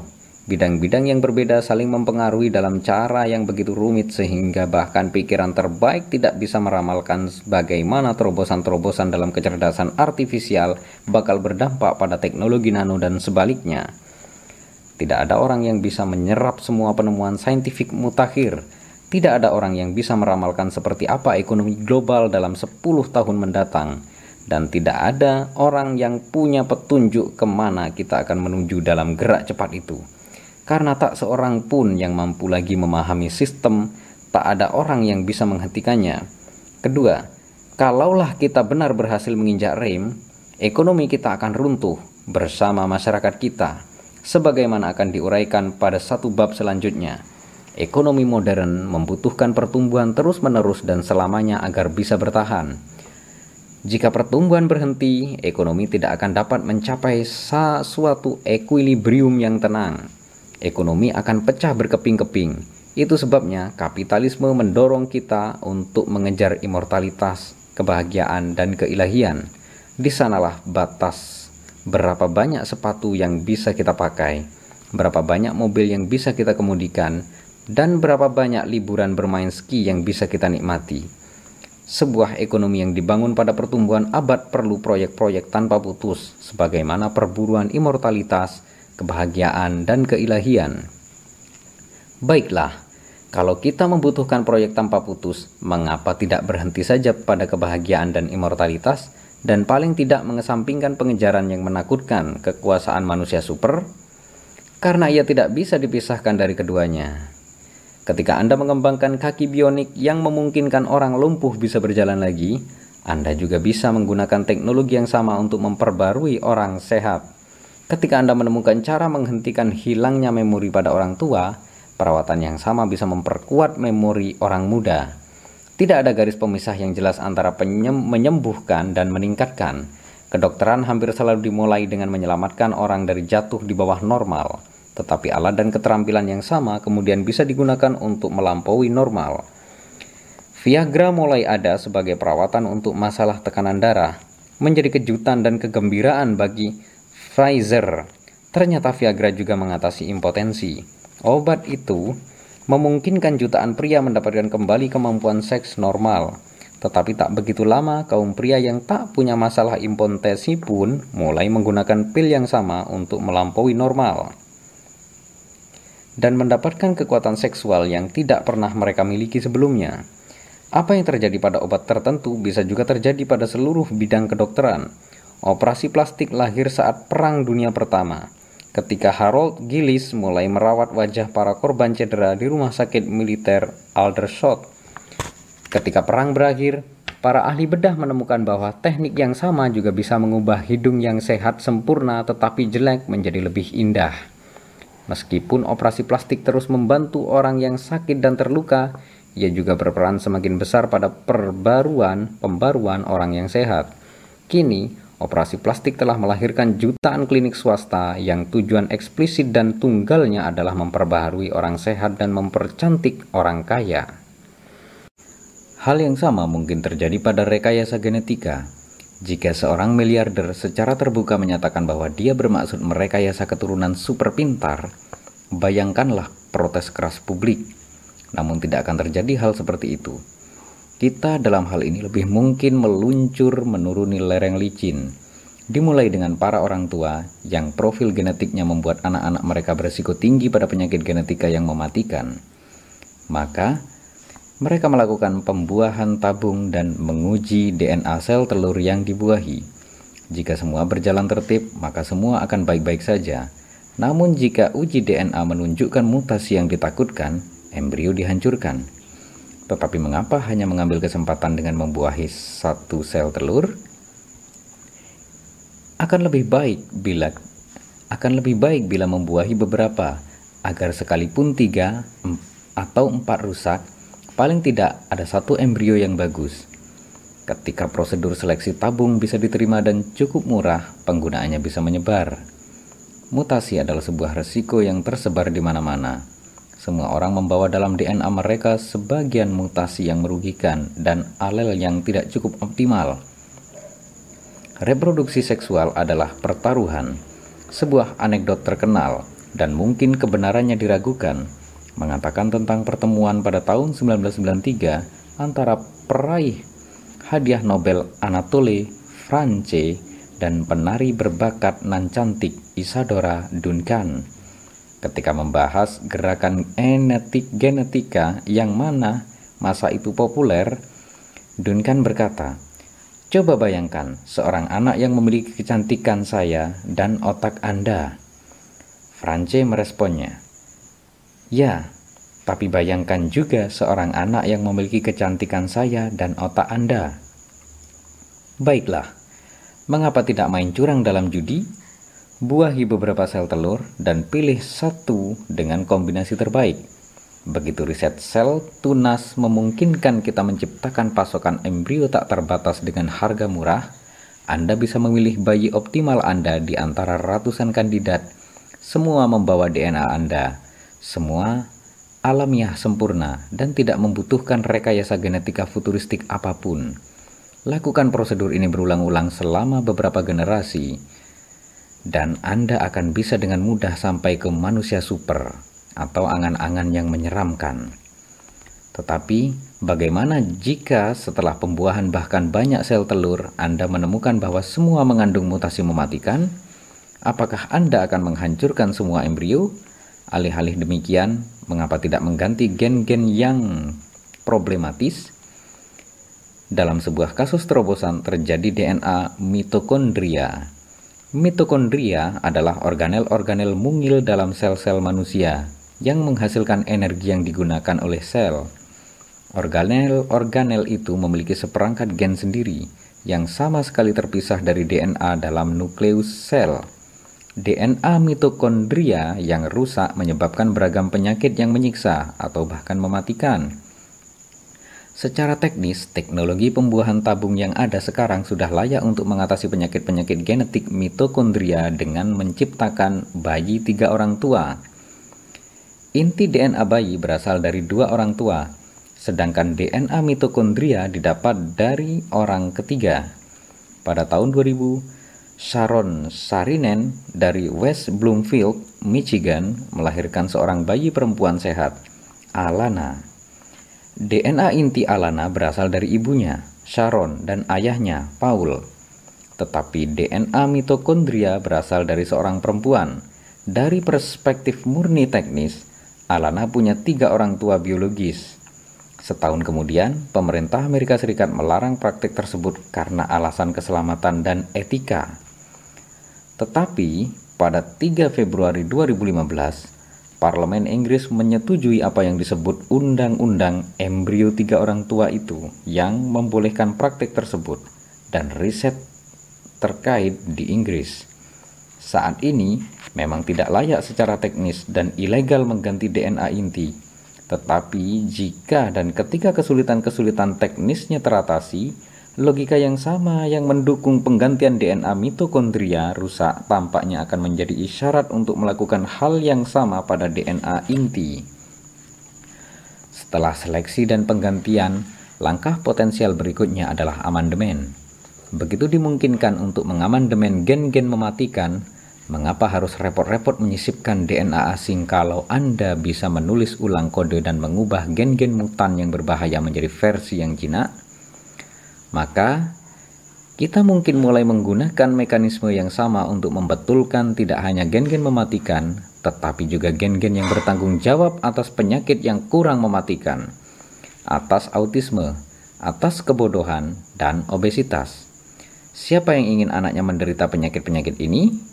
Taruhlah sebuah uji genetika menunjukkan bahwa calon putri Anda kemungkinan akan pintar, cantik, dan baik, tetapi akan menderita depresi kronis. Apakah Anda ingin menyelamatkan dia dari tahun-tahun penderitaan dengan intervensi cepat dan tidak sakit dalam tabung uji? Dan ketika Anda melakukannya, mengapa tidak memberi anak itu sedikit dorongan? Hidup itu berat dan menantang, bahkan bagi orang-orang yang sehat. Jadi, benar-benar akan ringan jika anak perempuan itu memiliki sistem kekebalan yang lebih kuat di atas normal, memori di atas rata-rata atau sifat yang sangat menyenangkan. Dan sekalipun misalnya Anda tidak menginginkan itu, tidak menginginkan itu untuk anak Anda, bagaimana jika para tetangga Anda melakukan untuk anak-anak mereka? Ingin anak Anda tertinggal? Dan jika pemerintah melarang semua warganya merekayasa bayi mereka, bagaimana jika Korea Utara melakukannya dan menghasilkan anak-anak jenius, artis, dan atlet menakjubkan yang jauh mengungguli anak-anak kita? Dan seperti itulah dalam hal bayi, kita sedang menuju ke katalog anak genetika. Penyembuhan adalah justifikasi awal untuk setiap pembaruan carilah profesor-profesor yang sedang bereksperimen dalam rekayasa genetika atau antarmuka otak komputer dan tanya mengapa mereka terlibat dalam riset semacam itu. Dalam semua kemungkinan, mereka akan menjawab bahwa mereka melakukan itu untuk mengobati penyakit. Dengan bantuan rekayasa genetika, demikian mereka akan menjelaskan, kita akan mengalahkan kanker. Dan jika kita bisa menghubungkan otak dan komputer secara langsung, kita bisa mengobati skizofrenia. Mungkin, tetapi itu pasti tidak berhenti di sana. Ketika kita sukses mengoneksi otak dan komputer, akankah kita menggunakan teknologi ini hanya untuk mengobati skizofrenia? Jika ada orang yang benar-benar mempercayainya, maka mereka mungkin tahu banyak hal tentang otak dan komputer, tetapi sangat sedikit tentang jiwa manusia dan masyarakat. Begitu Anda mencapai sebuah terobosan monumental, anda tidak bisa membatasi penggunaannya untuk menyembuhkan dan melarang total penggunaannya untuk pembaruan. Tentu saja, manusia bisa dan benar-benar membatasi penggunaan teknologi-teknologi baru. Karena itu, gerakan genetika kehilangan dukungan setelah Perang Dunia Kedua. Dan meskipun pandangan organ manusia kini dimungkinkan dan meskipun perdagangan organ manusia kini dimungkinkan dan berpotensi sangat menguntungkan, Sampai sejauh ini, aktivitas yang periferal. Suatu saat, bayi-bayi rancangan menjadi sangat mungkin secara teknologis sebagaimana membunuh orang untuk memanen organ-organnya, walaupun masih tetap periferal. Sebagaimana kita sudah lolos dari cengkraman hukum Chekhov dalam peperangan, kita bisa juga lolos darinya dalam bidang-bidang aksi yang lain. Sejumlah senjata muncul di panggung tanpa pernah ditembakkan, Itulah sebabnya mengapa begitu penting untuk berpikir tentang agenda baru manusia. Karena kita punya pilihan berkenaan dengan teknologi-teknologi baru, lebih baik kita memahami apa yang akan terjadi dan merombak pikiran kita tentang itu sebelum ia yang merombak pikiran kita. Paradoks pengetahuan prediksi bahwa kemungkinan pada abad ke-21 umat manusia akan mengejar immortalitas, kebahagiaan, dan keilahian bisa jadi membuat marah, mengasingkan, atau menakutkan dalam jumlah berapapun. Maka beberapa klarifikasi pun sudah disiapkan. Pertama-tama, ini bukan sesuatu yang akan benar-benar dilakukan kebanyakan orang pada abad ke-21. Ini adalah apa yang akan dilakukan oleh manusia sebagai upaya kolektif kalaupun ada, sebagian besar mungkin hanya memainkan peran minor dalam proyek-proyek ini. Sekalipun kelaparan, wabah, dan perang semakin jarang, miliaran orang di negara-negara berkembang dan perkampungan-perkampungan kumuh akan terus berjuang melawan kemiskinan, penyakit, dan kekerasan, sekalipun para elitnya sudah mencapai usia muda abadi dan meraih kekuatan-kekuatan seperti Tuhan. Ini tampak jelas-jelas tidak adil. Orang bisa saja berpendapat bahwa masih ada satu saja anak yang sekarat karena gizi buruk, satu saja orang dewasa yang terbunuh dalam perang geng obat bius, manusia harus memfokuskan semua usahanya untuk memerangi musuh-musuh ini. Hanya bila kita berhasil menegakkan perdamaian, barulah kita bisa mengalihkan pikiran kita pada hal besar berikutnya. Namun, sejarah tidak berjalan seperti itu. Mereka yang hidup di istana selalu punya agenda yang berbeda dari mereka yang hidup di gubuk dan itu tidak mungkin berubah pada abad ke-21. Kedua, ini adalah prediksi historis, bukan manifesto politik. Sekalipun jika kita mengabaikan nasib kaum papa, masih jauh dari jelas apakah kita memang seharusnya mengejar immortalitas, kebahagiaan, dan keilahian. Mengerjakan proyek-proyek khusus ini bisa jadi merupakan sebuah kesalahan besar. Namun sejarah sendiri penuh dengan kesalahan besar.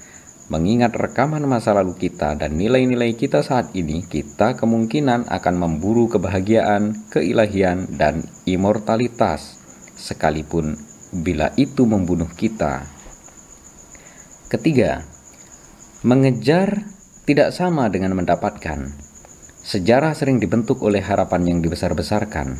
Sejarah Rusia abad ke-20 umumnya dibentuk oleh upaya komunis untuk mengatasi ketidaksetaraan, tetapi tidak berhasil. Prediksi saya difokuskan pada apa yang dicoba capai oleh manusia pada abad ke-21, bukan apa yang akan berhasil dicapai. Ekonomi, masyarakat, dan politik masa depan kita akan dibentuk oleh upaya mengatasi kematian namun tidak berarti bahwa pada tahun 2100 manusia akan menjadi immortal. Keempat, dan yang paling penting, prediksi ini bukanlah risalah, melainkan lebih merupakan cara mendiskusikan pilihan-pilihan kita saat ini. Jika diskusi membuat kita memilih yang lain dan prediksi ini terbukti salah, maka itulah yang lebih baik. Apa pula gunanya membuat prediksi-prediksi jika semua itu tidak bisa mengubah apa pun? Beberapa sistem rumit seperti cuaca kurang peduli pada prediksi-prediksi kita. Sebagai perbandingan, proses perkembangan manusia beraksi pada prediksi-prediksi kita. Benar, semakin bagus ramalan kita, semakin banyak reaksi yang timbul. Karena itu, secara paradoks saat kita mengakumulasikan semakin banyak data dan meningkatkan kemampuan hitung kita, peristiwa-peristiwa menjadi semakin liar dan tak terduga. Semakin banyak kita tahu, semakin sedikit kita mampu memprediksi. Bayangkan misalnya, suatu hari para ahli menggambarkan hukum dasar ekonomi. Ketika ini terjadi, bank-bank, pemerintahan, investor, dan konsumen akan mulai menggunakan pengetahuan baru ini untuk bertindak dengan cara baru dan mendapatkan keunggulan atas para pesaing. Apa gunanya pengetahuan baru kalau tidak mengarah pada perilaku baru? Sayangnya, begitu orang mengubah cara mereka berperilaku, teori-teori ekonomi menjadi tak berguna lagi. Kita mungkin tahu bagaimana ekonomi berfungsi pada masa lalu, tetapi kita tidak lagi bisa memahami bagaimana ia berfungsi pada masa sekarang, apalagi pada masa depan. Ini bukan contoh hipotesis. Pada pertengahan abad ke-19, Karl Marx mencapai pemandangan ekonomi yang brilian. Berdasarkan pemandangan itu, dia meramalkan suatu konflik yang semakin sengit antara kaum proletar dan kapitalis, yang berakhir dengan kemenangan tak terelakkan proletar dan runtuhnya sistem kapitalis. Mark yakin bahwa revolusi akan bermula di negara-negara yang mempelopori revolusi industri seperti Inggris, Prancis, dan Amerika Serikat dan menyebar ke seluruh dunia. Mark lupa bahwa kaum kapitalis bisa membaca. Mula-mula hanya segelintir murid menanggapi serius dan membaca tulisan-tulisannya. Namun setelah penyeru sosialis ini mendapat penganut dan kekuasaan, kaum kapitalis pun waspada. Mereka juga memburu das kapital, mengambil banyak alat dan pandangan dalam analisis Marxis. Pada abad ke-20, setiap orang dari kaum miskin jalanan sampai presiden mendekap pendekatan Marxis dalam ekonomi dan sejarah. Bahkan, kaum kapitalis kelas yang gigih melawan ramalan Marxis masih menggunakan diagnosis Marxis. Ketika menganalisis situasi di Vietnam atau Chili pada 1960-an, CIA membagi masyarakat menjadi kelas-kelas. Ketika Nixon atau Thatcher memperhatikan bola dunia, mereka bertanya kepada diri sendiri, siapa yang menguasai sarana-sarana produk vital?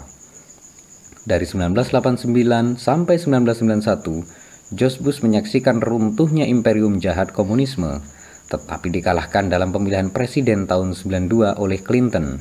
Strategi kampanye pemenangan Clinton bisa diringkas dalam moto, ekonomilah yang bodoh.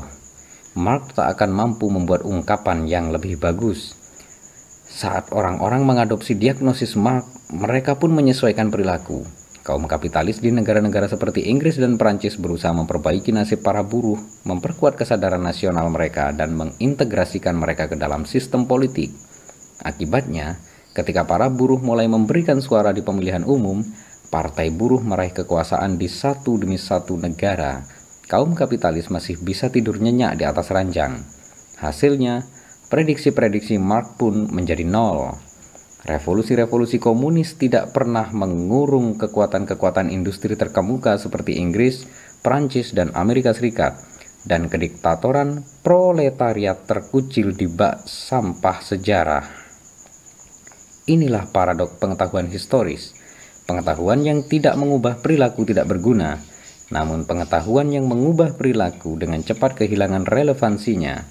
Semakin banyak data yang kita miliki dan semakin baik kita memahami sejarah, semakin cepat sejarah mengubah arahnya, dan semakin cepat pula pengetahuan kita ketinggalan zaman. Beberapa abad lalu, pengetahuan manusia meningkat pelan-pelan, begitu pula politik dan ekonomi berubah dengan kecepatan gontai. Kini, pengetahuan kita meningkat dengan kecepatan yang mencengangkan, dan secara teoritis kita seharusnya memahami dunia lebih baik dan lebih baik lagi.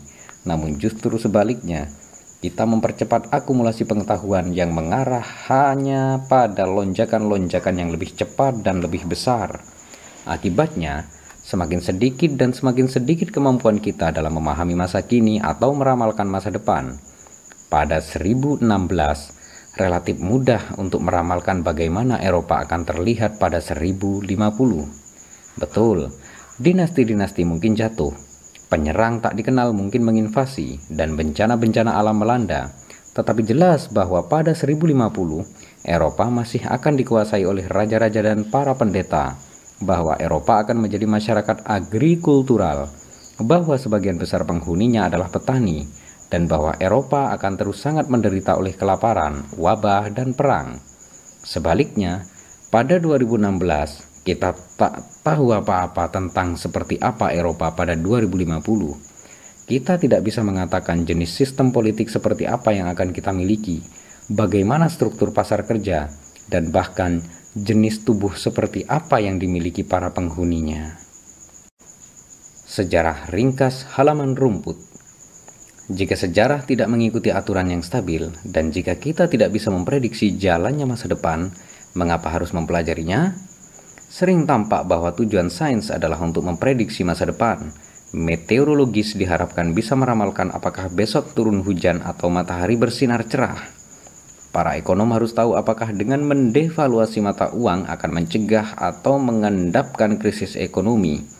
Dokter yang baik memperkirakan apakah kemoterapi atau terapi radiasi akan semakin sukses dalam mengobati kanker paru-paru. Demikian pula, Para sejarawan diminta untuk menelusuri perbuatan-perbuatan para leluhur agar kita bisa mengulang keputusan-keputusan bijak mereka dan menghindari kesalahan-kesalahan mereka. Namun, Hampir tidak pernah terjadi yang seperti itu karena hari ini memang terlalu berbeda dari masa lalu. Membuang-buang waktu saja mempelajari taktik-taktik Hannibal di Perang Punis kedua sehingga bisa ditiru di Perang Dunia Ketiga. Apa yang berjalan mulus dalam pertempuran kavaleri tidak dengan sendirinya akan banyak berguna dalam peperangan cyber. Tetapi, sains tidak hanya tentang memprediksi masa depan, Para sarjana di semua bidang sering berusaha memperluas horizon kita sehingga membentangkan di depan kita masa depan baru yang tak dikenal. Ini terutama benar pada sejarah. Meskipun para sejarawan kadang-kadang berusaha mencoba meramal tanpa sukses yang berarti, bagaimanapun yang paling penting tujuan sejarah adalah untuk menyadarkan kita akan kemungkinan-kemungkinan yang secara normal belum kita pertimbangkan. Para sejarawan mempelajari masa lalu tidak dalam rangka untuk mengulanginya, tetapi dalam rangka terbebaskan darinya. Masing-masing dan setiap orang dari kita dilahirkan dalam sebuah realitas historis tertentu yang diatur dengan norma-norma dan nilai-nilai tertentu serta dikelola oleh suatu sistem ekonomi dan politik yang unik. Kita menganggapnya sebagai hal yang wajar, alamiah dan alamiah tak terelakkan dan kekal. Kita lupa bahwa dunia kita diciptakan oleh rantai peristiwa tak terduga dan bahwa sejarah membentuk tidak hanya teknologi, politik, dan masyarakat kita, tetapi juga pikiran, ketakutan, dan impian kita. Tangan dingin masa lalu bangkit dari kuburan para leluhur kita, mencekik leher kita, dan menggiring tatapan kita ke satu masa depan tunggal. Kita sudah merasakan cekikan itu sejak saat ini sejak saat kita dilahirkan sehingga kita berasumsi bahwa ini adalah bagian alamiah dan tak terelakkan dari siapa diri kita. Karena itu, kita jarang berusaha menggerakkan diri kita untuk bebas membayangkan masa depan alternatif. Belajar sejarah bertujuan untuk melonggarkan cekikan masa lalu. Ia memungkinkan kita menolehkan kepala ke sini atau ke sana dan mulai melihat kemungkinan-kemungkinan yang oleh para leluhur kita tidak bisa dibayangkan atau mereka tidak ingin kita membayangkannya. Dengan mengamati rantai peristiwa tak terduga yang membawa kita sampai di sini, kita menyadari bagaimana pikiran-pikiran dan impian-impian kita sendiri dibentuk. Dan kita bisa mulai berpikir dan bermimpi secara berbeda. Mempelajari sejarah tidak akan memberitahu kita apa yang harus dipilih, tetapi paling tidak ia memberi kita opsi-opsi yang lebih banyak. Gerakan-gerakan dalam usaha mengubah dunia sering dimulai dengan menulis ulang sejarah. Dari sana, Dimungkinkan orang membayangkan kembali masa depan. Apakah Anda ingin para buruh terus melakukan mogok kerja, kaum perempuan memiliki tubuh mereka sendiri, atau kaum minoritas tertindas menuntut hak-hak politik? Langkah pertama adalah untuk memberitahu kembali tentang sejarah mereka. Sejarah baru akan menjelaskan bahwa situasi kita saat ini tidak bersifat alamiah maupun abadi. Dulu keadaan berbeda, hanya satu rangkai peristiwa kebetulan yang menciptakan dunia yang tidak adil yang kita ketahui sekarang. Jika kita bertindak bijak, kita bisa mengubah dunia dan menciptakan dunia yang jauh lebih baik.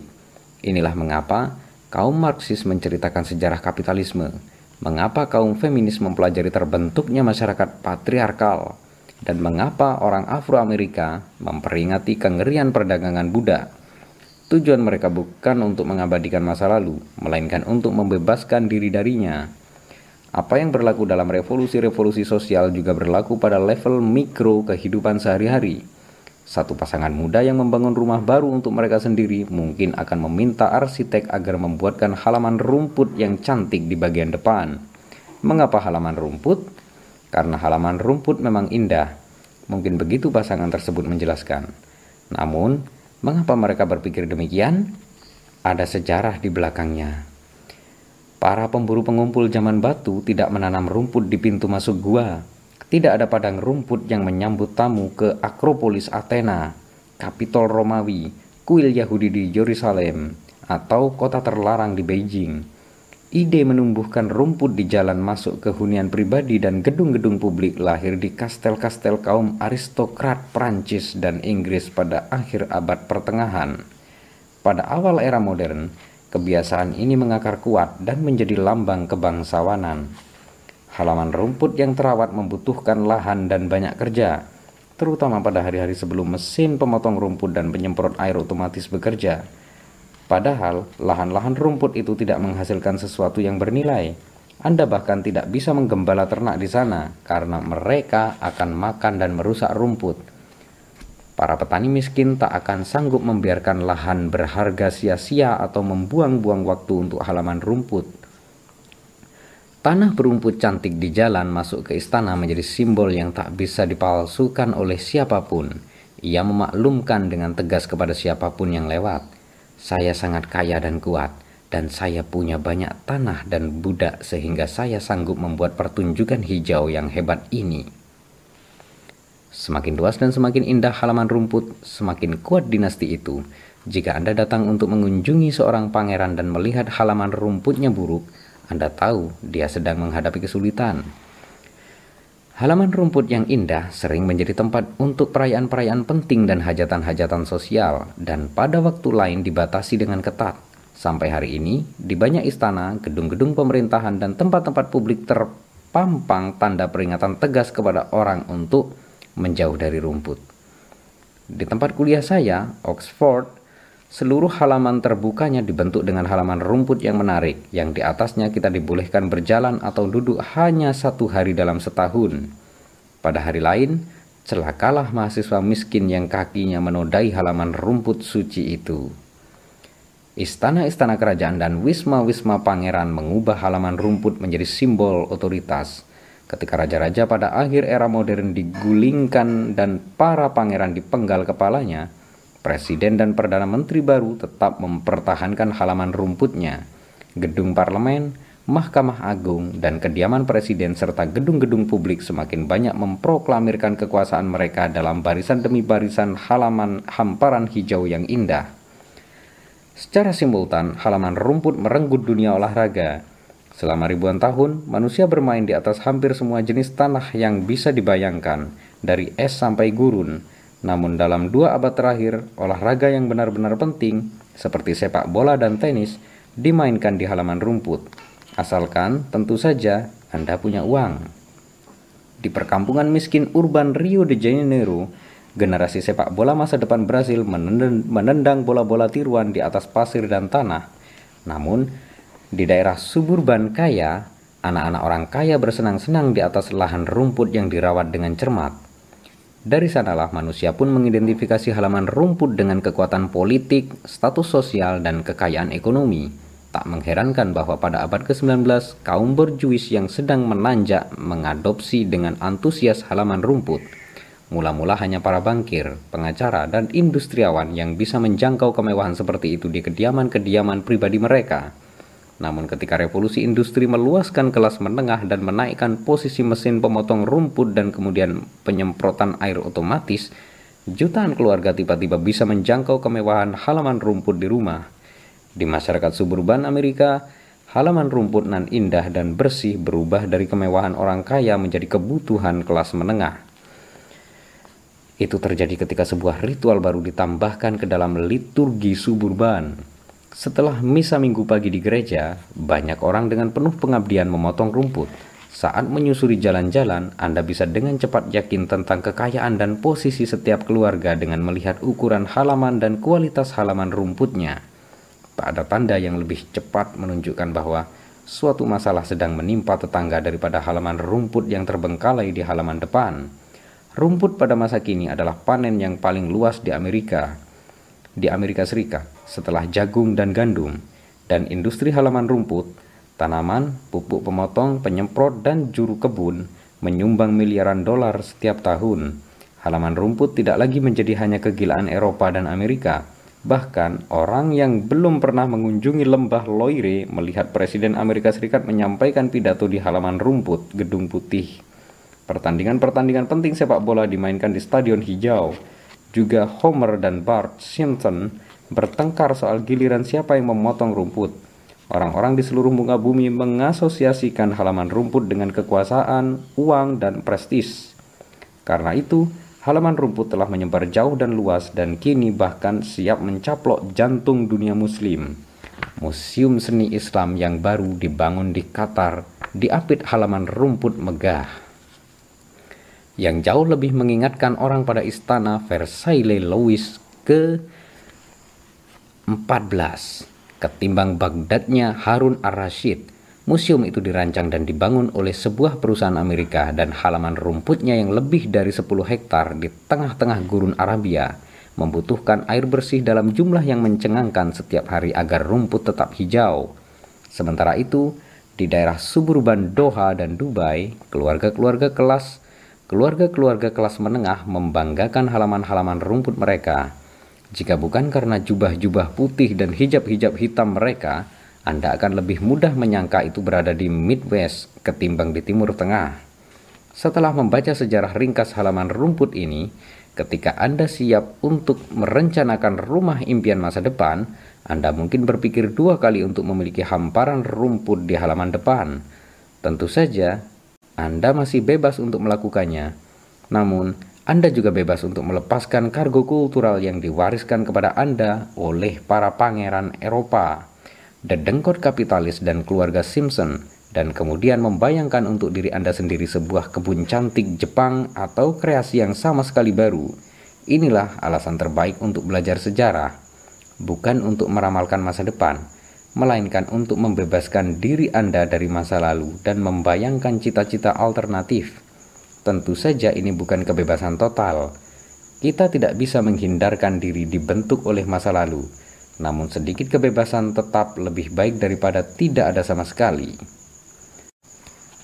Senjata dalam adegan pertama Prediksi-prediksi yang membanjiri buku ini tak lebih dari upaya mendiskusikan dilema-dilema masa kini dan ajakan untuk mengubah masa depan memprediksi bahwa manusia akan berusaha meraih immortalitas, kebahagiaan, dan keilahian adalah sama halnya dengan meramalkan bahwa orang yang membangun rumah akan menginginkan hamparan rumput di halaman depan.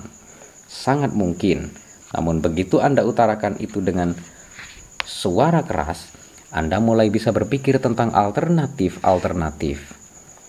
Orang tersentak oleh impian immortalitas dan kehilangan bukan karena impian itu begitu asing dan mustahil, melainkan karena tidak lazim untuk dinyatakan segamblang itu. Namun, ketika mulai memikirkan tentang itu, kebanyakan orang menyadari bahwa itu sesungguhnya masuk akal, terlepas dari keangkuhan teknologis dari impian-impian ini. Secara ideologis, semua itu adalah berita baru, Selama 300 tahun dunia telah didominasi oleh humanisme yang mengorbankan kehidupan, kebahagiaan, dan kekuatan Homo sapiens. Upaya untuk meraih mortalitas, kebahagiaan, dan keilahian sejatinya mengambil cita-cita humanis yang sudah lama ada pada konklusi logis mereka. Upaya ini menempatkan di atas meja apa yang sudah lama kita sembunyikan di bawah serbet kita. Meskipun demikian, sekarang saya ingin menempatkan sesuatu yang lain di atas meja. Senjata. Sebuah senjata yang muncul pada adegan pertama untuk ditembakkan pada adegan ketiga. Bab-bab berikut ini mendiskusikan bagaimana humanisme, penyembahan terhadap manusia telah menaklukkan dunia. Namun, naiknya humanisme juga menggandung bibit-bibit kejatuhannya. Sementara upaya mempengaruhi manusia menjadi Tuhan membawa humanisme kepada konklusi logisnya Secara simultan, ia mengekspos cacat-cacat inheren humanisme. Jika Anda memulai dengan cita-cita cacat, Anda sering Anda sering mengapresiasi kelemahan-kelemahannya hanya ketika cita-cita itu mendekati realisasi. Kita sudah bisa melihat proses ini berjalan di kamar-kamar khusus rumah sakit demi keyakinan humanis yang tak bisa dikompromikan pada kesucian kehidupan manusia. Kita menjaga orang-orang agar tetap hidup sampai mereka mencapai suatu keadaan menyedihkan sehingga kita dipaksa bertanya, apa sesungguhnya yang baru, yang begitu sakral di sini? Demi keyakinan humanis yang serupa, pada abad ke-21, kita kemungkinan akan mendorong manusia secara keseluruhan menembus batasnya. Teknologi yang sama yang dapat memperbarui manusia menjadi Tuhan bisa juga membuat manusia menjadi tidak relevan. Misalnya, komputer yang cukup canggih untuk memahami dan mengatasi mekanisme penuaan dan kematian mungkin juga cukup andal untuk menggantikan manusia dalam setiap dan semua tugas. Karena itu, agenda real dalam abad ke-21 akan jauh lebih rumit ketimbang apa yang diketengahkan pada bab pembuka yang panjang ini. Saat ini, tampak bahwa immortalitas, kebahagiaan, dan keilahian menempati posisi puncak dalam agenda kita namun, Ketika kita semakin dekat pada pencapaian tujuan-tujuan ini, gejolak-gejolak yang ditimbulkan kemungkinan akan membelokkan kita ke tujuan yang sama sekali berbeda. Masa depan yang digambarkan dalam bab ini tentu semata-mata hanyalah masa depan dari masa lalu, yakni sebuah masa depan yang didasarkan pada ide-ide dan harapan yang mendominasi dunia selama 300 tahun terakhir. Masa depan yang sesungguhnya yakni masa depan yang lahir dari ide-ide dan harapan-harapan dari abad ke-21 mungkin akan berbeda sama sekali. Untuk memahami semua ini, kita perlu kembali ke belakang dan menyelidiki siapa sesungguhnya Homo sapiens, bagaimana humanisme menjadi agama dominan, dan mengapa upaya mewujudkan impian humanis kemungkinan akan menyebabkan disintegrasi kemanusiaan itu sendiri. Inilah rencana dasar dari buku ini. Bagian pertama buku ini akan melihat hubungan-hubungan antara Homo sapiens dan binatang-binatang lain dalam upaya memahami apa yang membuat spesies kita begitu istimewa. Sebagian pembaca mungkin bertanya-tanya mengapa binatang mendapat perhatian begitu banyak dalam sebuah buku tentang masa depan. Dalam pandangan saya, Anda tidak bisa melakukan diskusi serius tentang alam dan masa depan manusia tanpa memulainya dengan rekan binatang kita. Homo sapiens sudah berusaha dengan segala daya untuk melupakan fakta bahwa ia adalah binatang, dan nilai pentingnya berlipat ganda untuk mengingat asal-muasal kita pada saat kita berusaha mengubah diri menjadi Tuhan-Tuhan. Tak ada penelusuran masa depan keilahian kita yang dapat mengabaikan masa lalu kita sebagai binatang, atau hubungan-hubungan kita dengan binatang-binatang lain karena hubungan antara manusia dan binatang adalah model terbaik yang kita miliki untuk hubungan masa depan antara manusia super dan manusia. Anda ingin tahu bagaimana cyborg super, super pintar mungkin akan memperlakukan manusia berdaging dan berdarah? Anda ingin tahu bagaimana cyborg super pintar mungkin akan memperlakukan manusia berdaging dan berdarah? Lebih baik kita mulai menelusuri bagaimana manusia memperlakukan sepupu-sepupu binatangnya yang kurang pintar. Ini bukan analogi sempurna, tentu saja, tetapi inilah pola dasar terbaik yang benar-benar bisa kita observasi, ketimbang hanya membayangkan saja. Berdasarkan kesimpulan-kesimpulan dari bagian pertama, bagian kedua buku ini akan mengurai keganjilan dunia yang telah diciptakan Homo sapiens dalam milenium terakhir dan jalan yang membawa kita sampai pada persimpangan saat ini. Bagaimana Homo sapiens sampai pada keyakinan pada kredo humanis yang mengajarkan bahwa alam semesta berputar dengan manusia sebagai porosnya dan manusia adalah sumber inti dari segala makna dan otoritas? Apa implikasi sosial dan politik dari kredo ini? Bagaimana ia membentuk kehidupan kita sehari-hari, seni kita, dan hasrat kita yang paling rahasia? Bagian ketiga yang terakhir dari buku ini kembali pada abad ke-21 awal, berdasarkan pada sebuah pemahaman mendalam tentang umat manusia dan kredo humanis. Bagian ini menggambarkan keadaan-keadaan sulit kita saat ini dan kemungkinan-kemungkinan masa depan kita. Mengapa upaya untuk mewujudkan humanisme akan menyebabkan keruntuhannya? Bagaimana pengejaran immortalitas, kebahagiaan, dan keilahian akan mengguncang sendi-sendi keyakinan kita pada kemanusiaan? Apa tanda-tanda yang menunjukkan katalisme ini dan bagaimana ia tercermin pada keputusan-keputusan yang kita buat dalam kehidupan sehari-hari? Dan jika kemanusiaan benar-benar sedang genting, apa yang mungkin akan terjadi? Bagian ini tidak berisi sekedar pemfilsafatan atau ramalan kosong masa depan, namun bagian ini akan mendedah telepon pintar kita, praktek-praktek kencan kita, dan pasar kerja kita sebagai petunjuk tentang hal-hal yang akan terjadi. Bagi penganut sejati humanis, semua ini mungkin terdengar sangat pesimistis dan mencemaskan. Namun yang terbaik adalah tidak melompat pada kesimpulan-kesimpulan. Sejarah telah menyaksikan naik turunnya banyak agama, imperium, dan budaya-budaya. Gejolak-gejolak seperti itu tidak dengan sendirinya buruk. Humanisme telah mendominasi dunia selama 300 tahun, waktu yang tidak terlalu lama. Fir'aun menguasai Mesir selama 3000 tahun, dan Paus mendominasi Eropa selama satu milenium. Jika Anda memberitahu orang Mesir pada masa Ramses kedua bahwa suatu hari Fir'aun akan hilang, dia mungkin terperanjat. Bagaimana bisa kita hidup tanpa Fir'aun? Siapa yang akan menjamin ketertiban, perdamaian, dan keadilan? Jika Anda beritahu orang abad pertengahan bahwa dalam beberapa abad Tuhan akan mati, mereka pasti ketakutan. Bagaimana bisa kita hidup tanpa Tuhan? Siapa yang akan memberi makna pada kehidupan dan melindungi kita dari kekacauan? Dengan melihat ke belakang, banyak orang berpikir bahwa jatuhnya Firaun dan kematian Tuhan adalah perkembangan positif. Mungkin runtuhnya humanisme juga menguntungkan. Orang-orang biasanya takut pada perubahan karena mereka takut tidak tahu. Namun, satu hal tunggal yang konstan dalam sejarah adalah bahwa segalanya berubah.